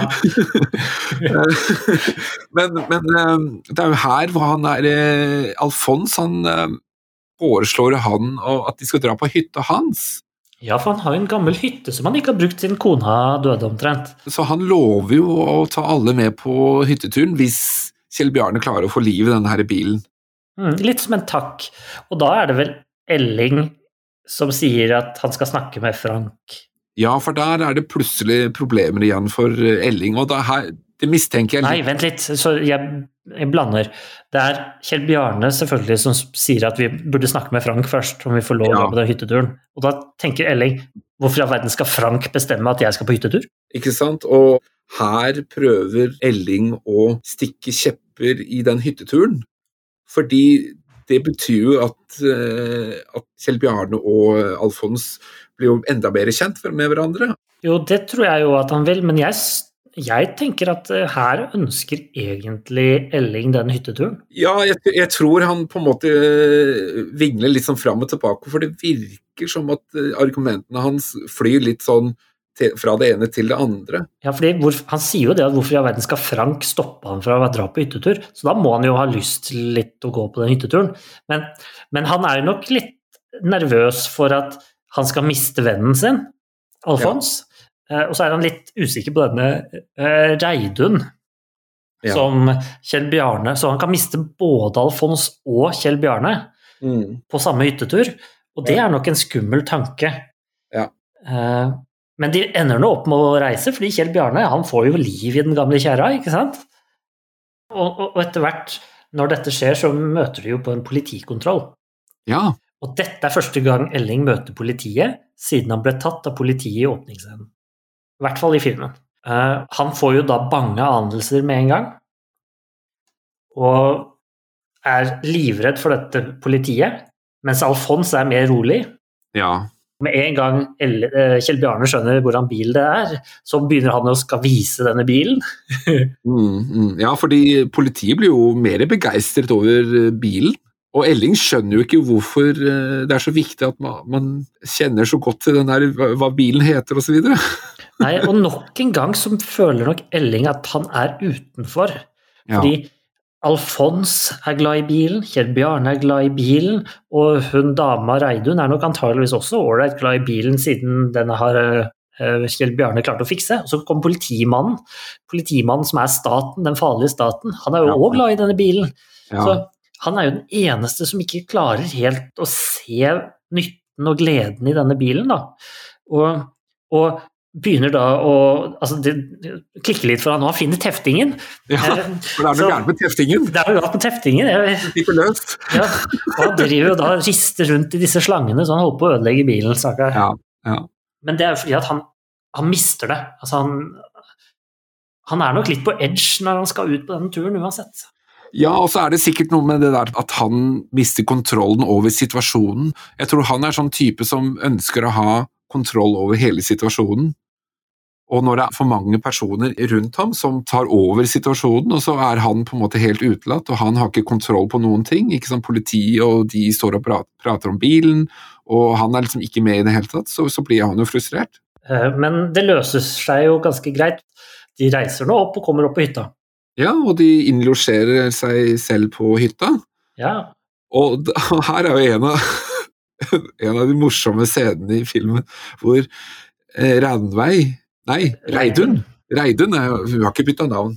Reidun hun går jo da bort til et rom, og så sier hun 'Vi skal sove her, Kjell Bjarne'. Og så, så, så, så ser vi da Det er ikke bare Kjell Bjarne som blir overraska. Det er også Elling. Begge har et uttrykk som er bare helt ubeskrivelig, altså. Og det som er litt fint, er at normalt sett i denne filmen så viser de disse personene Altså hver gang de skal gjøre noe de ikke egentlig tør, så vises de i fullperspektiv. Altså, Ja. Eller kanskje mer.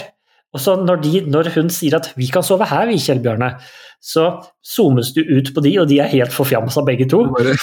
Og, og når de står der, og Kjell Bjørne står der med soveposen under armen og greier, ikke sant Han er jo en bærer, han har jo båret alt. Ja, for de hadde jo sett for seg at de skulle sove på samme rom, altså Ja, Kjell og. Elling. Selvfølgelig. Ja, og da sier Elling at det skjønner du at det ikke går. Nei, ikke sant. Nå, det er jo siste spikeren, liksom. Mm. Altså, nå, nå, er, nå flytter jo eh, Kjell Bjarne ut av rommet. Han, han flytter ut av verden til Elling, rett og slett. Ja, ja. Poenget mitt med at de filmer det i stort perspektiv her, altså i fullperspektiv, eh, eller bildeutsnitt, er jo at de nå skal gjøre noe på nytt som de gjør for første gang. Mm. Ja. Eh, Og hver gang det skjer, så blir de vist som litt små. Og det er ganske bra gjort, fordi Kjell Bjarne er ganske diger. Ja, Han er det. Her kommer jo liksom en av de beste scenene, syns jeg, i hele filmen. Det er jo sent på natten, og de skal legge seg, og så kommer jo Kjell Ja, Bjarne. altså, de, de har jo spist middag først, Ja, stemmer det. og Elling får et lite sammenbrudd der og løper ut på stranda etter hvert. Ja, for de diskuterer politikk. Ja, og der er jo åpenbart Reidun ikke enig i at eh, Arbeiderpartiet er strålende. og Arbeiderpartiet blir trukket inn med KGB og hele pakka, og CIA og alt som verre er.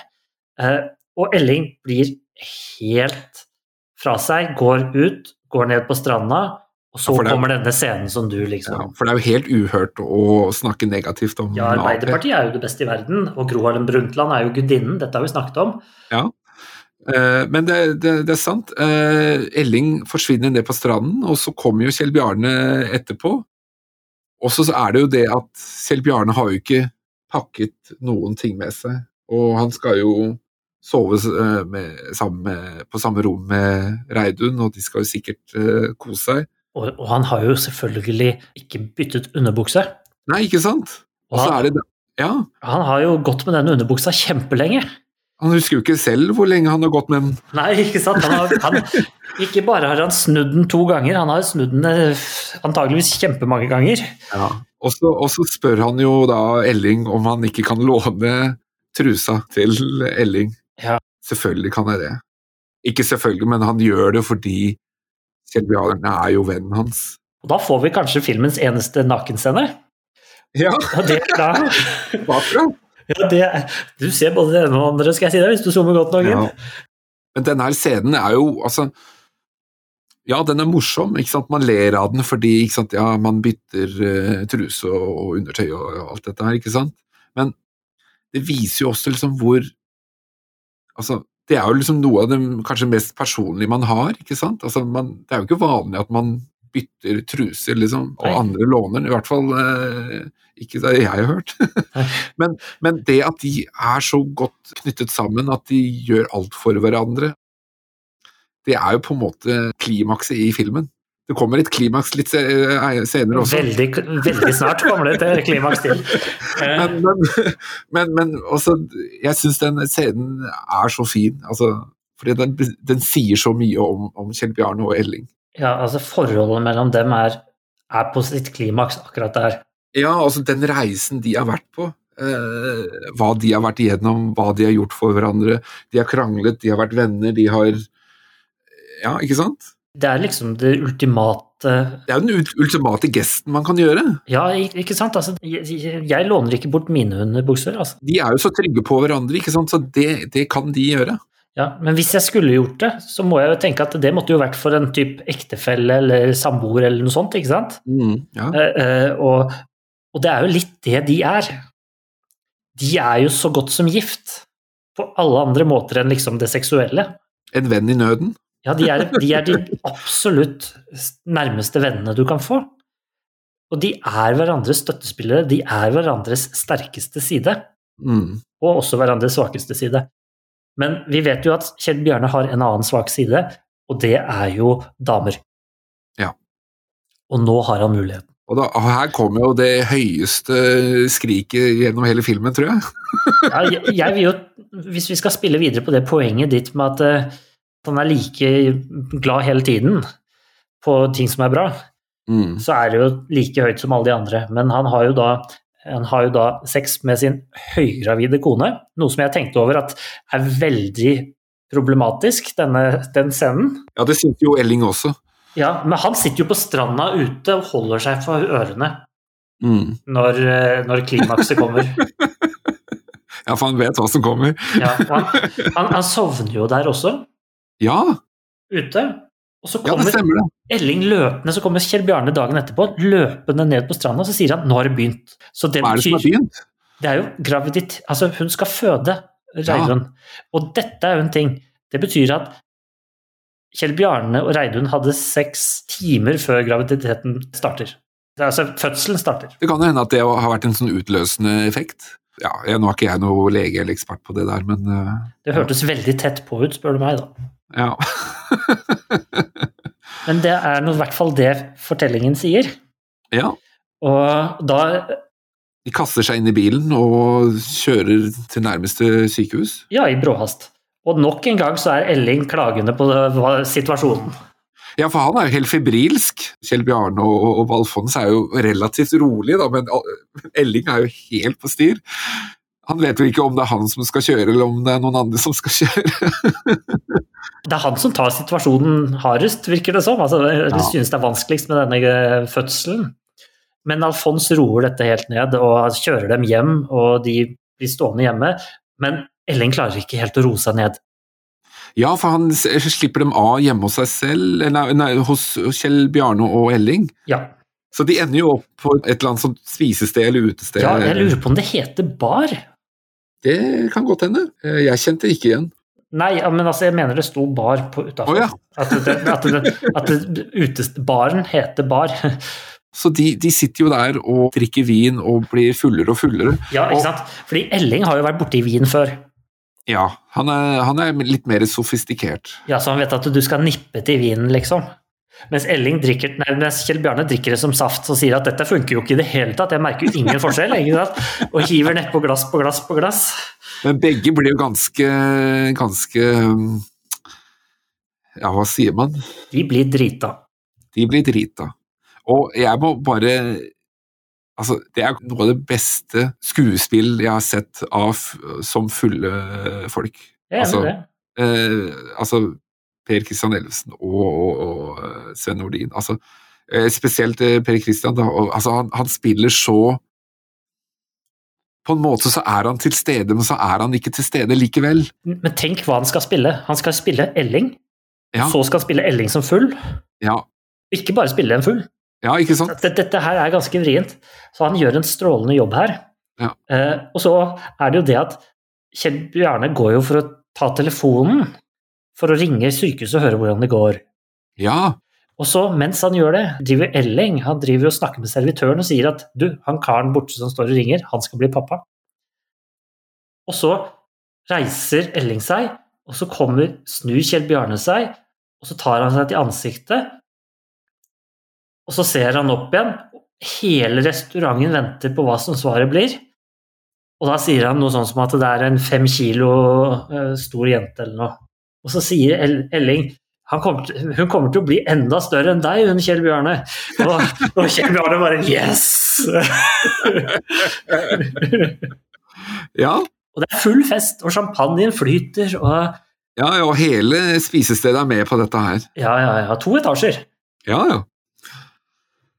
Men da er vi jo egentlig ferdig med filmen. Nei, nesten. Det er en liten ting til. Ja. Fordi dette er litt sånn klimakset. Fordi denne dagen, altså dagen etterpå, så kommer Frank til leiligheten. Og vi ser Elling som har spydd utover puta, Ja. gulvet og maten som ligger overalt, og de har et skikkelig kalas. Den har jeg helt, eh, helt glemt. Det stemmer, det. Det er sånn dagen etterpå. Litt sånn som hangover-filmene. Ja, litt år som Hangover-filmene. Og, og det, det er vel heller det at Hangover-filmene er litt grann som Elling. Ja. Da snakker Frank liksom, sier litt alvor til dem. Nå må dere vaske og rydde, ikke sant? Så sier han liksom det at vet du hva, gutter? Dere klarer dere fryktelig bra. Og det er ikke det at de er på fylla som er bra, men det er det at de klarer å være ute blant folk, og de klarer å de klarer faktisk å De har gått så langt fra der de var. Ja. Det er det som er poenget.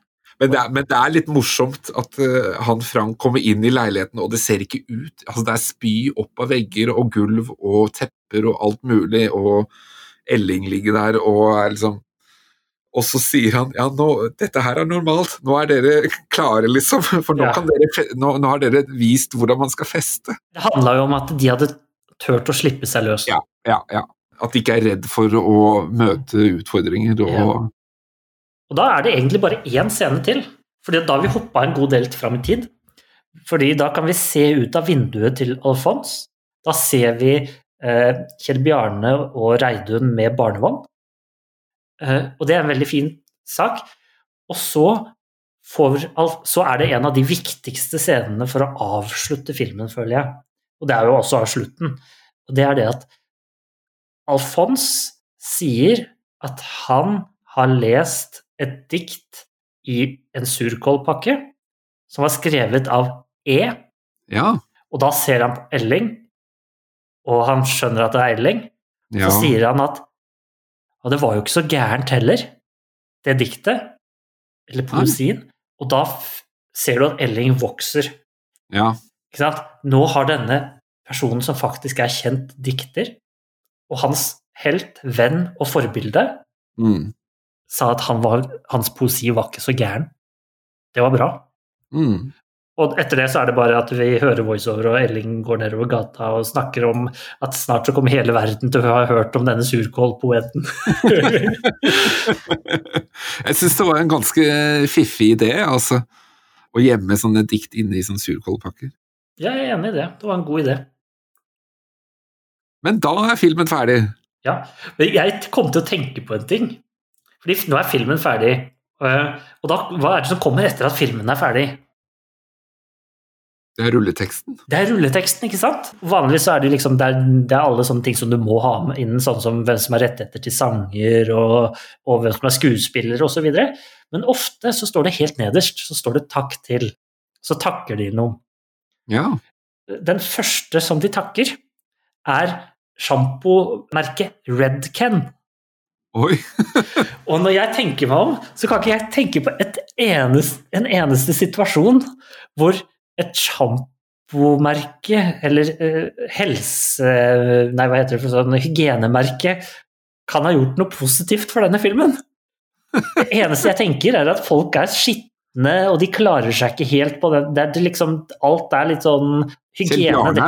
Kjell Bjarne er jo ganske uhygienisk. Ja, de er jo ganske uhygieniske egentlig, alle sammen. Altså, det er ingen som er liksom skikkelig flotte, flott kledd osv. Altså, hy- hygiene er i andre posisjon egentlig for alle sammen. Og det er litt morsomt at de sier takk da, til noen som helt sikkert har hjulpet til med å gi dem sjampo for at de skal sette opp håret til de som skal delta og sånn. Ja, ja, ja. Men så står de øverst på den lista, jeg syns det er litt artig.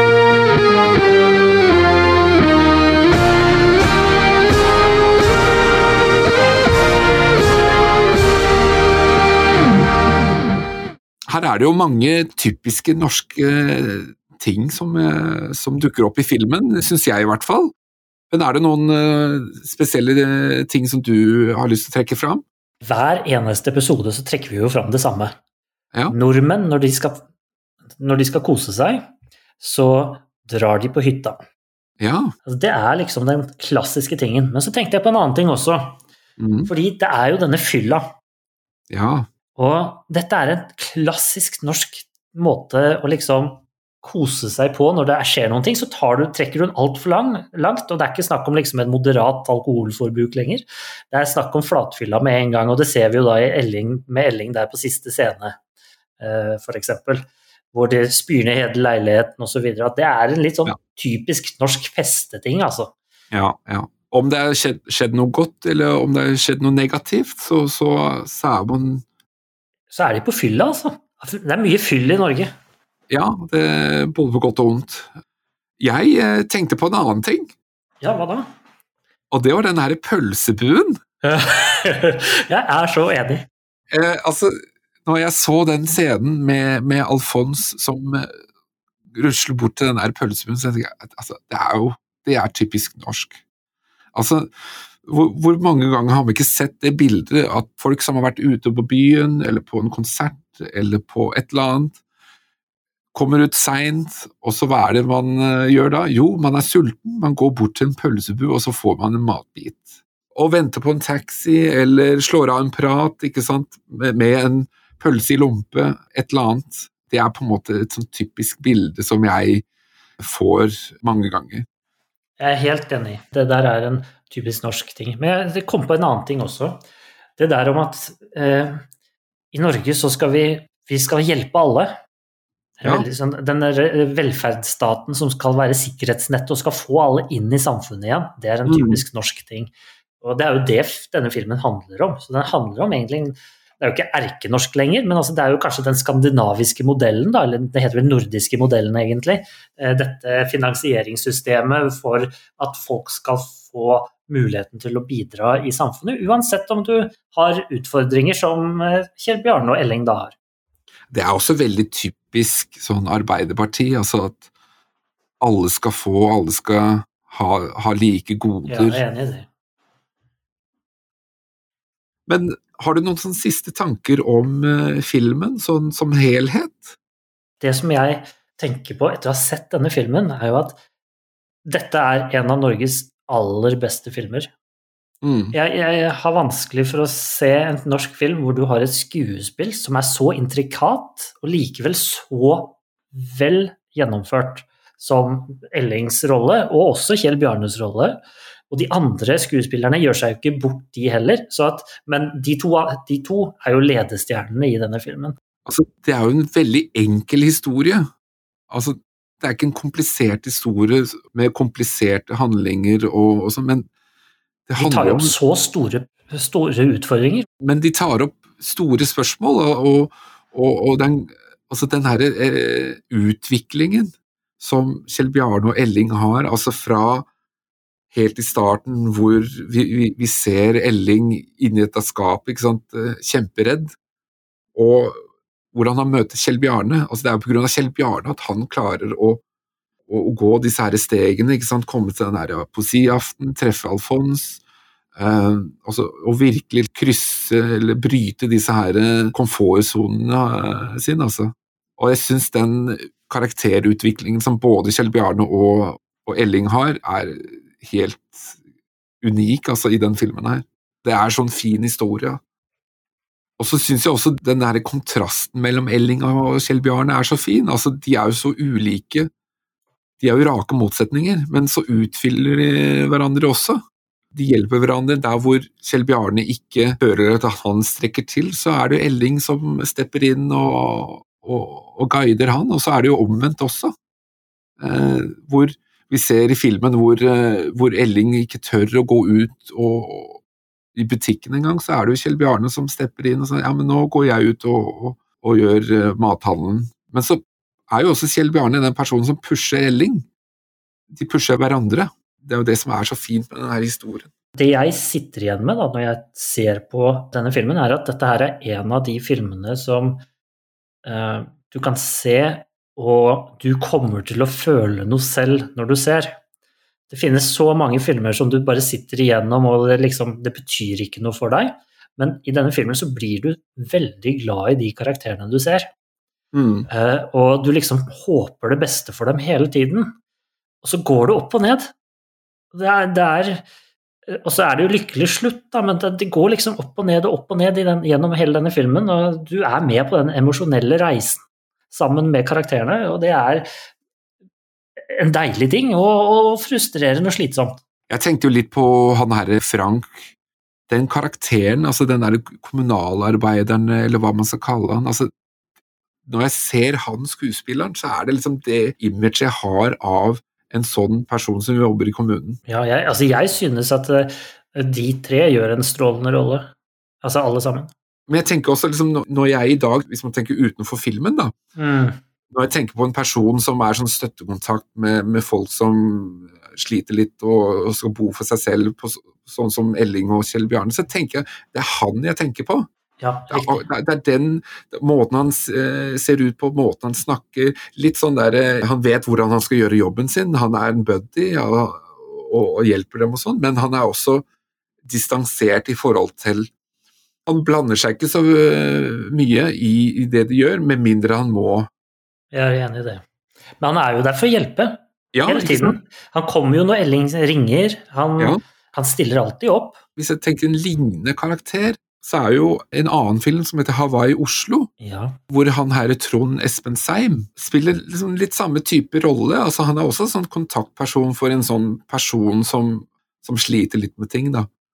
Og det er liksom akkurat samme image, eller samme på en måte personlighet. Litt sånn kjekkas, på en måte.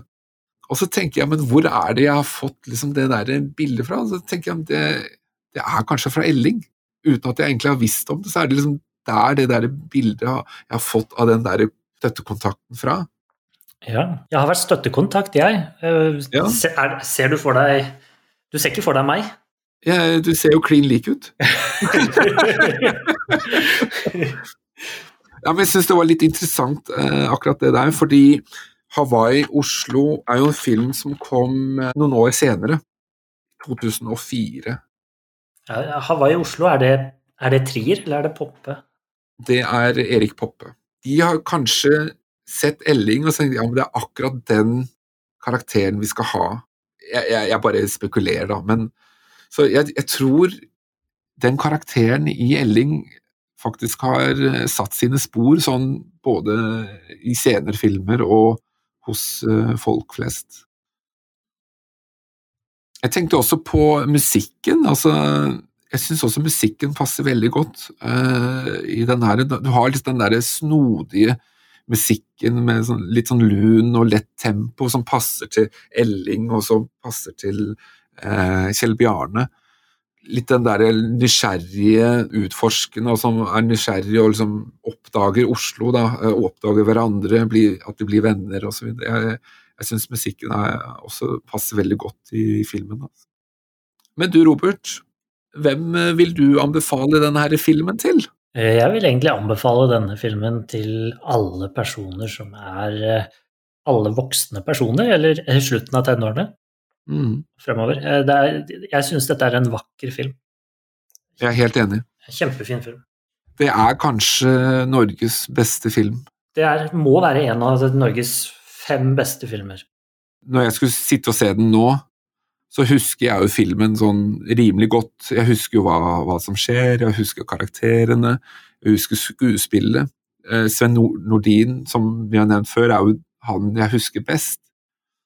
Men som du også var litt inne på helt i starten, altså Per Christian Ellefsen er jo han som gjør en utrolig bra karakter med Elling. det forteller jo litt om filmen også, hvor gode disse karakterene er, og hvor godt de blir spilt. fordi at jeg sitter igjen og tenker at her så er det Per Christian Ellefsen som gjør den store, store rollen. Mens du sitter Mm. igjen og at det er Sven Nordin som gjør den store, store rollen. Altså, jeg tenkte kanskje sånn før jeg så denne filmen nå, men det var Sven Nordin jeg husker. Men nå som jeg har sett den igjen nå, så det jo, føler jeg jo at det er Per Christian Evensen som faktisk gjøre den beste rollen. Men dette her er litt sånn flisespikk, altså hvorfor skal vi snakke om det? De gjør jo en kjemperolle begge to. Ja, ja. Og kanskje, men det er jo kanskje den Dette må jo være den vanskeligste rollen å spille. Jeg kan, kan ikke tenke meg at det er noe vanskeligere å spille enn eh, Elling. Elling er vanskelig og kjempegodt gjennomført, og det blir ikke dumt på noe tidspunkt. Og det virker å være med respekt, og det virker, altså det virker å være rett og slett bra gjennomført, alt sammen. Props til Petter Ness for å ha gjennomført dette.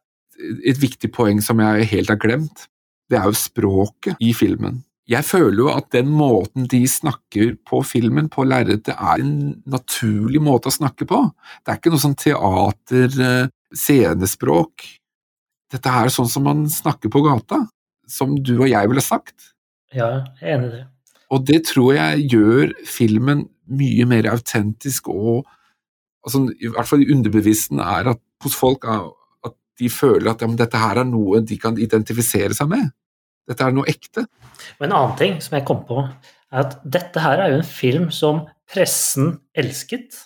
Mm, Dette er en film som publikum elsket, absolutt. Og kritikere med filmbakgrunn elsket. Alle likte denne filmen. Det vitner om at dette her er kjempegodt gjennomført, Og den ble jo til og med oppdaget i utlandet også. ikke minst. Eh, Så dette her er en film som jeg anbefaler sterkt alle å se. Altså, dette er en feel good-film, Ja. på godt norsk. Ja. Det er en hjertevarm film. Ja. Det er en nydelig film, men jeg, jeg tenker også at, det at du skal helst være litt grann opp i årene, sånn at du ikke Sånn at du skjønner hva det er snakk om. Ja, men jeg syns heller ikke at det er komplisert.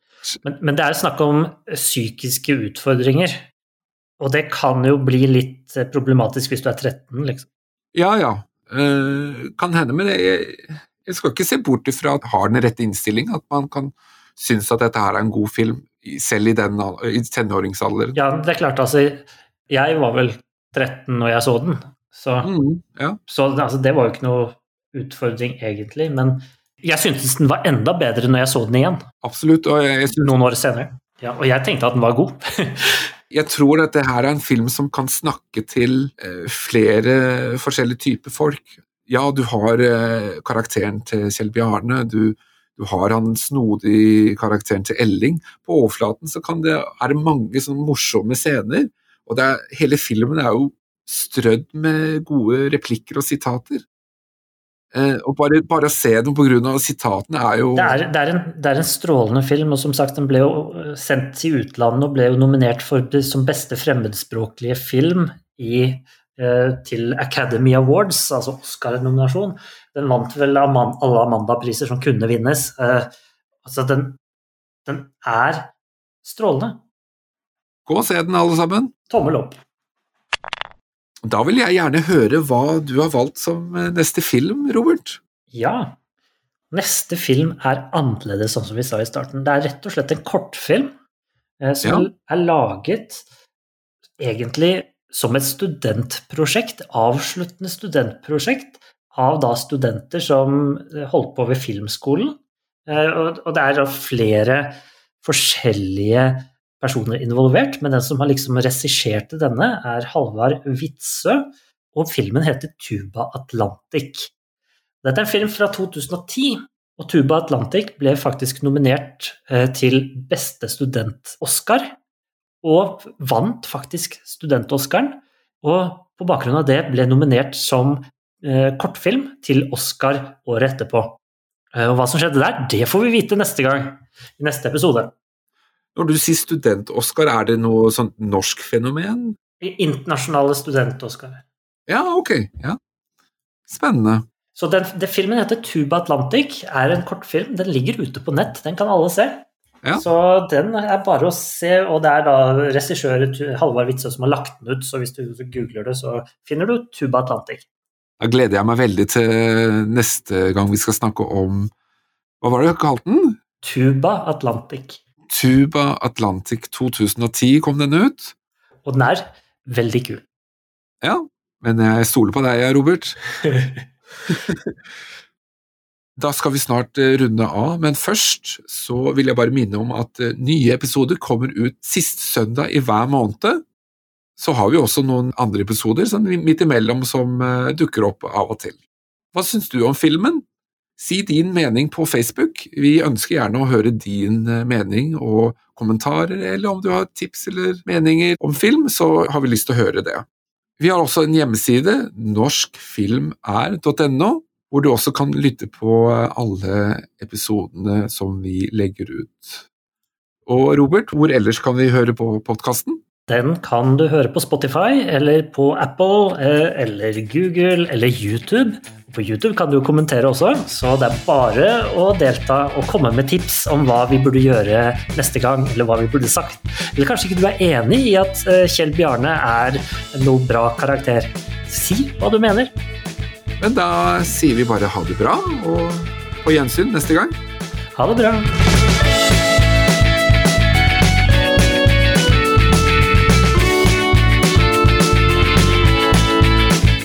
Ja, jeg har bare blitt Hva heter det slam? Heter det slam et eller annet? Slam poetry? Slam dunk? Slam-poesi? Poesislam? Slam-poesi. Er det det det er, da? Jeg har bare blitt innstilt på at disse blir lange, og så er det sånn. Ja, ja det er enig i det. Blir to timer hver gang. Ja. To og en halv time. Hele aften. Tre timer. Og det er en, en, nok en gang en ganske stor scene, en ganske stor replikk eh, som blir gjennomført her, hvor, hvor Kjell Bjarne nok en gang viser at han har Altså, hans grunn eh, for at han har vært på dette behandlingssenteret, er ikke fordi at han er slem mot andre. Det er nok fordi han har vært slem mot seg selv. Og jeg tror mange av disse replikkene og disse voiceoverne som, som eh, Elling kommer med, de tror jeg er tatt rett fra boken. Ja, riktig. Uten at jeg har lest boken, men jeg, jeg har en følelse av det, for de er, de er så veldig godt skrevet. Kjell Bjarne han har øynene låst på eh, på eh, puppene til da denne servitrisen. Servitrisen er nok klar over det, Ja. og hun skjønner jo hva hun har med å gjøre her. At det er personer som Det, det selger jo middager, da. Jo da, men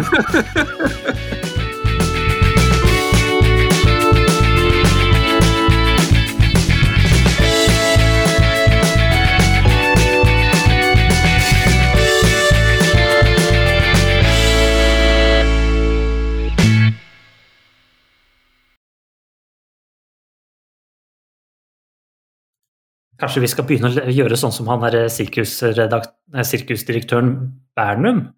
Han som er opphavsmannen til All PR er god PR. Som la inn og skrev sånn leserinnlegg om hvor forferdelig dårlig sirkuset var. Sånn at folk ville komme og dra på sirkuset så sjekke ut om det var sant.